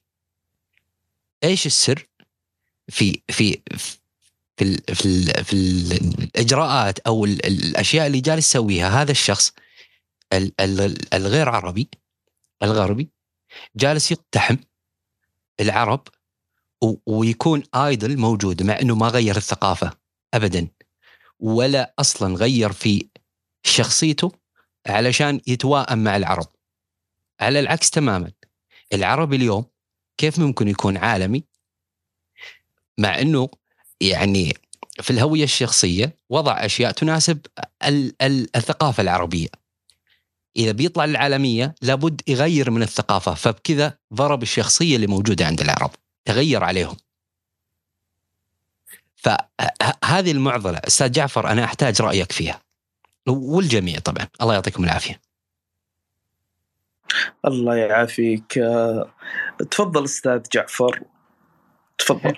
آه شكرا شكرا أخوي خالد. بس آه آه في مشارك آخر بعد أستاذ خالد فقط لكي أضبط الوقت. آخر واحد الدكتور هاني نعم وختامها بس. نعم. سأجيب على السريع عن أخونا الأستاذ خالد. طبعا هناك نماذج جميلة وأقدر أعددها بالأسماء فيما يتعلق بالوطن العربي ولها أثر الكبير من قبيل هنا الأستاذ العزيز أحمد الشقيري. كمثال على مدى عشر سنوات ما شاء الله وما زال أثره بينا. عند الشباب بشكل عام في كل الوطن العربي بلا استثناء. فهذا مثال جميل. غازي القصيبي رحمة الله عليه في مجال البزنس في أمثلة كثيرة موجودة عندنا. بعضها مغيب إعلاميا قبل فترة بس كان ذكرى مؤسس صخر كمبيوتر صخر كويتي. للأسف لم يعطى اعلاميا حقه. وكثير وكثير من غيرهم يعني في مجال العلوم في مجال الثقافة إلى آخره. طبعا لما نعمل عملية المقارنة نكون نكون منصفين ليست بجلد ذات لكن هناك أدوات لابد من استخدامها لوضعها في الأمام لنعرف ما سبب إن ال personal branding مثلا عند الأجانب هي طافحة أكثر ما هي موجودة عندنا في الوطن العربي، على فكرة موجود عندنا في الوطن العربي لكن من نوعية؟ أعطيك مثال Shark Tank معروف إنه هو البرنامج المتعلق بريادة الأعمال وأصحاب الأفكار وال business بحثوا عنه في يوتيوب بتشوفونه يعني أنا مدمن عليه مؤخرا. Shark Tank موجود وأظهر كثير من رواد الأعمال وأظهر حتى المستثمرين أنفسهم. لكن عندما نأتي مثلا طبعا هذا الشيء الإيجابي فيما يتعلق بالجانب ال business وأيضا عنده جانب العلوم وجانب ال entertainment الموجود عندنا وما تم ضخه ماليا واعلاميا وثقافيا وفكريا وحضوريا للأسف هو مجال يعني بعطيها مسمى مخفف المجال الترفيهي. وهذا اللي ظهر في السطح. أين نجوم العلوم؟ اللي كان سابقا في قطر. موسم وأتوقع توقف. لكن لما نذهب إلى صوت العرب وإلى آخره فصار في الدفع أكثر في مجال الترفيه أكثر منه في مجال التعليم أو مجال الثقافة أو الفكر أو أو العلوم إلى آخره. فهناك أيضا رقم واحد الماكينة الإعلامية تعمل دور. اثنين ال ecosystem الداخلي في البلد تبدأ من التعليم من الروضة من الحضانة حتى وصولا إلى الجامعة وحتى مخرجات الجامعة. اثنين ال vocational training أو ما يسمى بالتدريب المهني. نعم يصنع فارق عندما يكون هناك اهتمام بالصناعة منذ الصغر فالناس يكون همها وهوسها إن يكون عندها صناعة أثر من خلال العلوم والفكر والثقافة والكتابة بخلاف ما هو موجود حاليا ما تسمى بمسرح التفاهة بعد ما تمت صناعتها. فطبيعي إن هذه الأمور كلها تؤثر. لكن هل هذا هو نهاية عالمنا العربي في هذا المجال؟ لا بالعكس الأدوات متوفرة علينا صنع الأثر عندما نعرف أدواته، التيك توك موجود هناك مؤثرين سلبيين هناك مؤثرين إيجابيين علينا دفع هؤلاء من لهم الفكر قدما إلى الأمام. طبعا هناك آليات وأدوات موجودة ربما في عهدة السلطة أنا ما أتكلم السلطه سلطة الإعلام وسلطة المال إلى آخره. هذا موجود. زي أنا أنا كيف أنا أعمل؟ إذا كانت هذه السلطات لا تعمل معي. نعم ممكن أيضا. ياما كثير أعطيك مثال من اليمن. أتوقع اسمه هيثم أو هشام ما أذكر اسمه. وتكلمت عنه بي بي سي. هاجر من اليمن أتوقع إلى راح بريطانيا وتعلم اللغة الإنجليزية. والآن عنده حساب في الإنستغرام ما شاء الله بالملايين. تخصصه في مجال العلوم الصحية فقط. وما يظهر هو فقط يعمل بال 3D شغلات أي شيء متعلق بالصحة والميكروس يعني شغلات البكتيريا والفيروسات والأمور هذه يتحدث عنها ويتكلم عنها باللغة الإنجليزية. فهذا مثال هذا مثال واحد يبين إن كيف شخص عربي ظهر للعالمية بسبب محتوى تخصصي. هذا مثال وهو امثله كثيرة. فربما إحنا وأتفق معك ما هو ظاهر للأسف غير ما هو موجود مع ما هو ظاهر في السطح أكثره قشري قشور فقط اكثرها طبعا. بالرغم من وجود هناك أمثلة جميلة ذكرتها سابقا أحمد الشقيري الله يحفظه كمثال. فإحنا نحتاج نعدد ونكثر من هذه الأمثلة من خلال الدعم. لا أكثر لا أقل. الله يعطيكم العافية. آه، طيب أستاذ جعفر يعني على سبيل المثال اليوم المتخصص ممكن يعد أسماء كثير. يعني اللي ذكرت الشخص اليمني اللي في انستغرام يمكن آه، خليني أقول تقديرا 80% من المساحه لا يعرف من هو. لكن اليوم لما أتكلم عن أحمد الشقيري الناس تعرف مين هو. في مقارنة اليوم أنا في في واشنطن أدخل على سوبر ماركت ولا أشوف أحد ماسك جواله ويحضر حلقة في يوتيوب لأحمد الشقيري تعتبر من من من آه، شخص أمريكي الأصل أو أو أو غربي. يحضر لأحمد شقيري آه، باحتمال 0.1 أما لكن اليوم أمشي في في في أي مول في الإمارات دبي الرياض آه، أعتقد إنه حأشوف أي شخص ممكن فاتح لجوردن باترسون ولا ولا غيره من اللي, جالسين يتكلموا في بودكاست كثير. هذه اللي جالس أقولها إنه ال ال الانتشار مع عدم تغيير الثقافة ابدا ولم يتكلم العربية اطلاقا. أستاذ خالد إذا سمحت لي بس أنا أعتقد إن هذا موضوع صراع الثقافات. وممكن إن شاء الله إذا حابب أستاذ خالد إنه نخصص له مساحة وتكون أنت موجود معنا آه، بحيث نناقشه بإسهاب لأن أنا حرام إنه يظلم هذا الموضوع بكل أمانة صراع الثقافات. أنا شخصيا عشت في كذا ثقافة وأتحسس وأشعر بالكلام اللي أنت تقوله.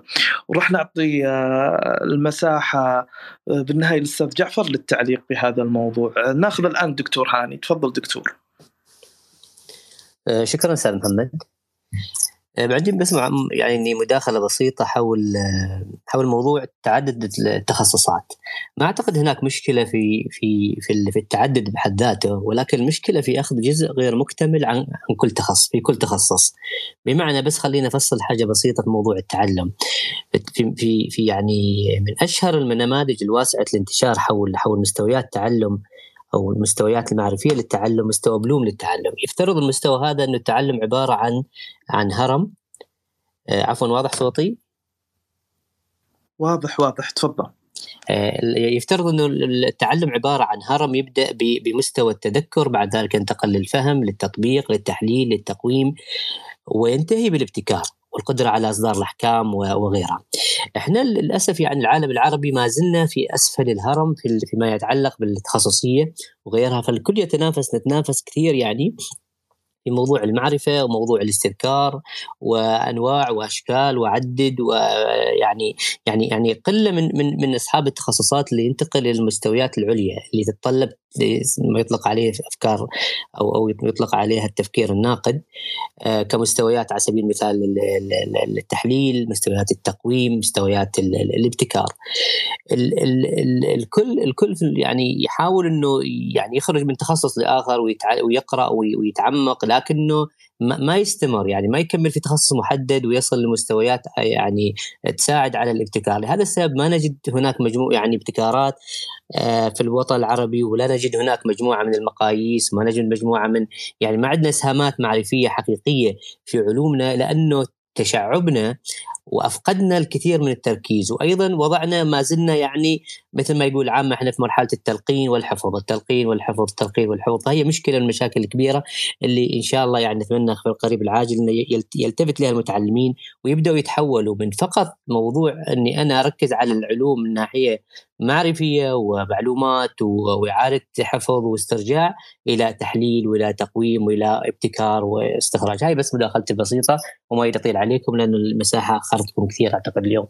شكرا. مع تعليق بسيط بس الله يخليك خلال دقيقة أو أقل من دقيقة. الآن بس لو الدكتور هاني والأخ السائل آه، اللي قبله عن قضية الأجانب والعرب أنا بس أبغي واحد منكم خلينا نقول دكتور هاني يكتب تغريدة جميلة ذات معنى.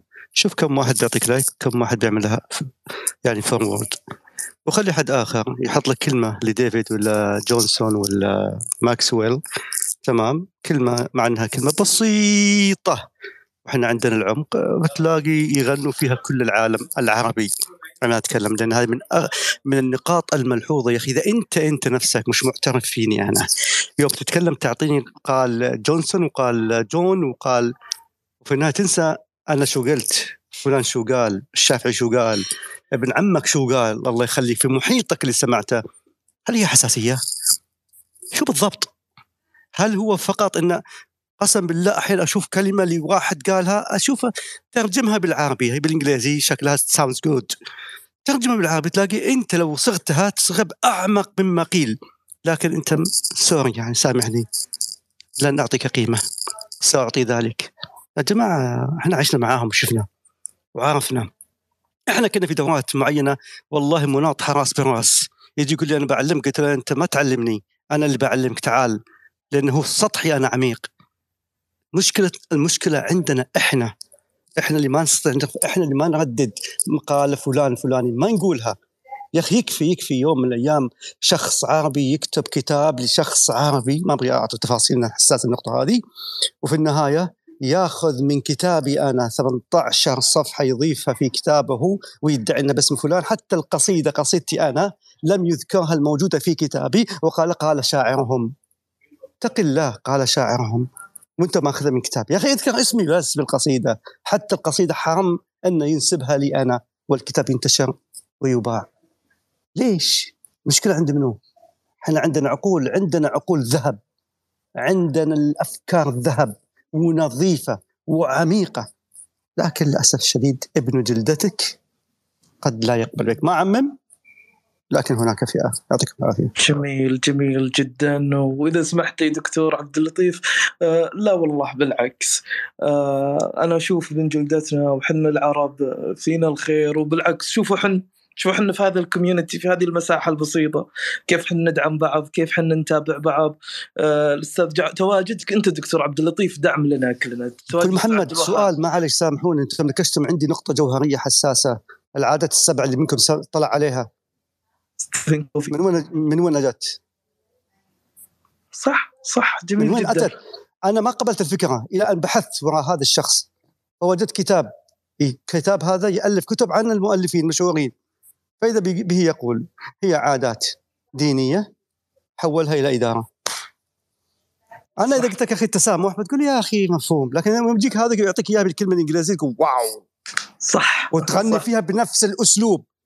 اتق الله يا أخي اتق الله صح صح صح الله. الله المستعان الله المستعان صح الله صح. كلامك صحيح ولكن آه، الموضوع صدقني الخلل آه، مش في ال- فينا إحنا بالعكس أنا مثل ما قلت لك شوف التفاعل كيف شوف كيف حنا نتابع بعض تواجدك انت دكتور عبد اللطيف تواجد أستاذ عبد الوهاب أستاذ حمد الدكتور هاني هيثم خالد دكتورة عبير صفية آه، أستاذ عبد الله سطام كلنا متواجدين ندعم بعض هذا اللي نحتاجه ويا جماعة هذا اللي نحتاجه الله يخليكم فهمونا هذا اللي نحتاجه. إذا أنت إذا الآن تتكلم عن إدارة إذا ما قلت غازي القصيبي. تكلم عن إدارة وذكرته. إذا ما قلت والله كتاب الدكتور عبد اللطيف العزي في الموضوع الفلاني أنا عندي ثلاث كتب فيها. إذا ما قلت الدكتور عبير في التخصص الفلاني لها كذا وفلان فلان منو بيرفعنا؟ تعتقد الاجنبي بيجيك يقول لك والله I want to see your book I want to read it لا لا لا ابدا. صح. صح دكتور صح والله كلامك سليم. وإن شاء الله راح نخصص مساحة بإذن الله آه، عن مناقشة آه، هذا الموضوع. إن شاء الله الموضوع ثري وكلكم مدعوين في هذه المساحة بإذن الله. آه، صفية من زمان ما سمعت صوتك وينك صرتي على صفية موجودة؟ اسمعك اسمعك؟ طيب. طيب صفية لك تعليق عن هذا الموضوع بالذات قبل أرجع للأستاذ جعفر. أنا أتفق مع آه، الدكتور عبد اللطيف مئة بالمئة من ناحية أن لو ترجع في عمق بعض خصوصا في موضوع كتب التطوير آه، ترجع في العمق ال layers اللي تحت بتلقاها كلها آه، يعني مستعارة من من توليفة أديان وممارسات حول العالم في الشرق أكثر شيء. جزء كبير حتى معتمدين حتى على ما جوهر الإسلام الدين الإسلامي يعني. أنا أمس كنت أقرأ كتاب لواين داير نفس الشيء ذكر ذكر النبي محمد صلى الله عليه وسلم بالحرف يعني في كتابه. فهم نحن كبشر عموما ما ننفصل عن بعض ابدا يعني من هذه الناحية. لكن هي هذه الإشكالية إن أعتقد عندنا في المجتمعات العربية شوية عندنا تحفظ على فكرة دعم بعضنا ما أعرف شو السبب. آه، استخدام كتب وإنتاجات بعضنا كمرجعية. آه، بس أحيانا تحتاج إنك تلف هذه اللفة كلها عشان تتأكد إن أو عشان تكتشف في النهاية إنك أنت كل شيء تملكه عندك. بس دائما الإنسان كذي يدور آه، برا وبعدين يكتشف إن كل شيء موجود عنده في الداخل أساسا. فيمكن هذا تعليقي الوحيد على الموضوع. جميل جدا. أنا نفس الشيء من باب هذا الإضافة في هذه النقطة فقط. آه، ترى برضو العالم الغربي حنا ما نشوف خلف الكواليس. في أمور أسوأ بكثير إذا كان ما لدينا هو سيء ترى عندهم أسوأ بكثير. لكن ما كل ما يعرف يقال ولكن كل أنا شخصيا أمل فيكم كلكم والأمل في مجتمعنا ووطننا العربي. آه، مداخلة أخيرة إذا عندك أستاذ جعفر وبالمناسبة أطول مساحة في تاريخ ابن رشد إلى الآن أنت يا أستاذ جعفر. تفضل. تفضل أستاذ جعفر. يستحق ويستاهل جعفر.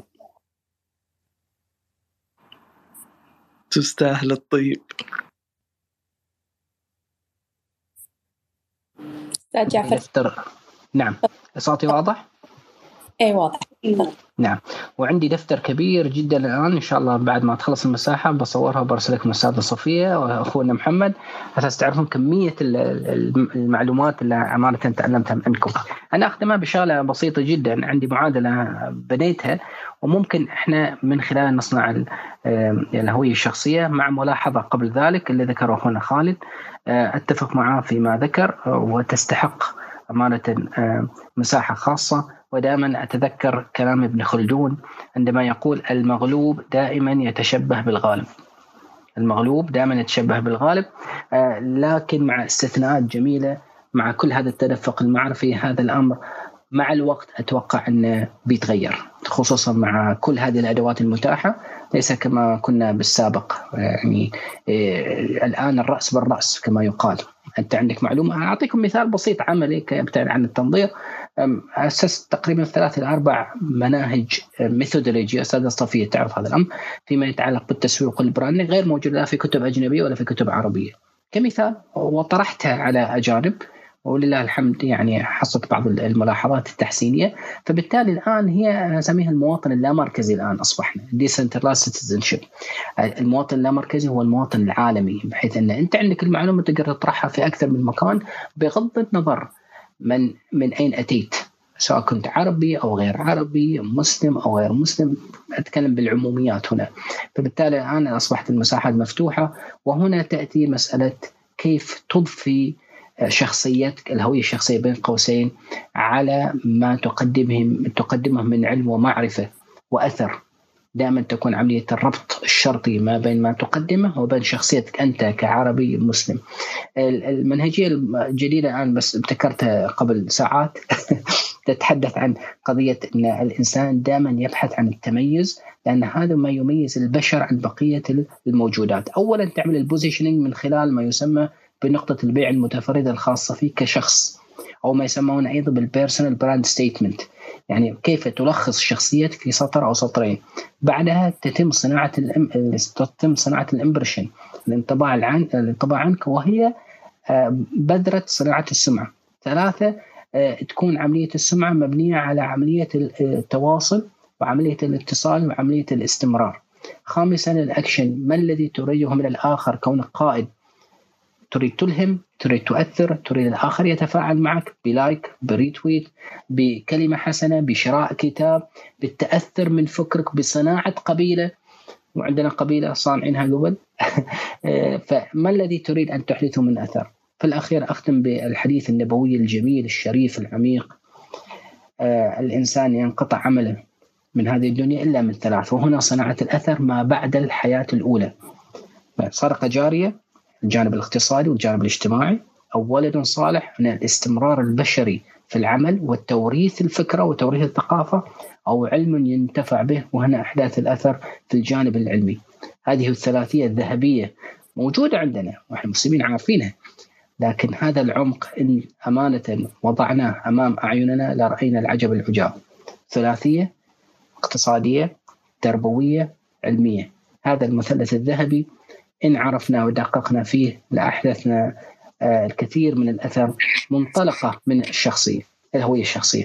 والله يعطيكم العافية وعساكم على القوة وعذرا على هذه الإطالة وأنا أمانة لست متعود أن أطيل أكثر من 60 دقيقة لكن حضوركم الجميل يفرض على على الإنسان أن يستمع ويسمع. والله يطول يطول لي عمرك أستاذ جعفر وتكملة لكلامك وإضافة بسيطة إذا سمحت لي وعشان هذا الموروث العلمي يكون متواجد آه، أنا والأستاذة صفية والأستاذ هيثم قررنا انه جميع المساحات اللي عملناها في السابق تكون مسجلة وأن نطرحها كبودكاست علمي موجود بشكل دائم نستفيد منه إحنا وتستفيد منه الأجيال من بعدنا. أي شخص آه، ما وده يطلع تطلع مداخلته أو ما وده يطلع صوته فيه أو إنه عنده تحفظ يتواصل مع الأستاذ هيثم وإن شاء الله راح نجتزئ آه، مقطعه. ولكن من باب توريث العلم وأنتم أهل لهذا وأنتم والله تستحقونه. وأوعدك خصوصا الدكتور عبد اللطيف أوعدك بشاره إن شاء الله آه، في الأسابيع القادمة. هذا من جانب. من جانب آخر غدا راح تكون عندنا مساحة آه، نفس توقيت هذه المساحة الساعة 8 بتوقيت المملكة 9 بتوقيت الإمارات مع فضيلة الدكتور الشيخ أحمد بن قاسم الغامدي. آه، راح نتحدث عن القيادية والتحفيز في الإسلام. كلكم مدعوين. والمساحة مساحتكم آه صفية هيثم عندكم إضافة؟ أنا بالنسبة لي بس بغيت أنوه أني تركت لكم آه، في هاي المساحة عدد من الروابط من بينها روابط لقناة الأستاذ جعفر على اليوتيوب وبعض المفاهيم اللي حضرته ذكرها مثل The Golden Circle of Influence مال سايمون سينيك وبعد الموضوع اللي هو ذكره متى نعيد صياغة الهوية البصرية للمؤسسات آه، الرابط كذلك موجود وفي نفس الوقت رابط المساحة مساحة الغد. وشكرا ويعطيكم العافية. الله يعافيك. تفضل أستاذ هيثم أنا ما عندي ما عندي إضافة بس بس بشكر الجميع يعني الحضور والمستمعين وبشكر آه، الأخ عبد اللطيف العزازي بالأخص على مشاركته الجميلة. اللي هي فتحت باب نقاش آه، أنا بعتقد إنه مهم مهم جدا وفيه فيه آه، يعني فيه فيه لغط كثير جدا. ف وبشكر أكيد بشكر الاستاذ جعفر. أنا بصادفه في مساحات كثيرة جدا جدا لكن اليوم أول مرة أستمع له في مساحة طويلة. وحقيقة يعني كلامك آه، جميل جميل كل ما تحمله الكلمة معنى وأشكرك جدا وأنا استفدت جدا جدا من مساحتك اليوم. يعني حقيقة ما أعرف أوصل شكري كيف لكن آه، بإذن الله يعني اللي تعلمته حأعلمه لغيري إن شاء الله. تشكر. أنا أنا بس بنهي بكلمة اللي يبغي من جعفر يعني دسامة حطه في زاوية. حطه في زاوية وشوفوا بتشوفوا شو يطلع. هو دائما ساكت ساكت. حتى عندما يتكلم يتكلم بتحفظ. لكن حطه في زاوية. الله يخليك يا أخوي محمد. next time هذا corner وحطه هناك واضغط عليه. على فكرة الدكتور ترى أستاذ جعفر عنده دبلوماسية كثير عالية ما شاء الله. قل له ما, ما تمشي على الدبلوماسية أنا ترى واحد من كلمتين ثلاثة اعرفه اعرف نفسية دبلوماسيته؟ أعرف كل شيء فحطه في زاوية الله يخليكم. ما شاء الله تبارك الله عليكم كلكم أثريتونا والله. وأنا شخصيا كنت تلميذ مستمع في هذه المساحة واستفدت منكم كلكم من اطراحاتكم كلها. موعدنا معكم إن شاء الله غدا آه، بنفس التوقيت آه، في ضيافة آه، باستضافة الدكتور أحمد الغامدي. مشاركاتكم كلها نبغاها تكون هناك برضو. أستاذ خالد راح أتواصل معك إن شاء الله في تحديد مساحة عن الموضوع اللي تكلمت عنه وإن شاء الله الجميع برضو يكونون مدعوين. مسيتم بالخير وأسعد الله أوقاتكم بكل طيب. في أمان الله.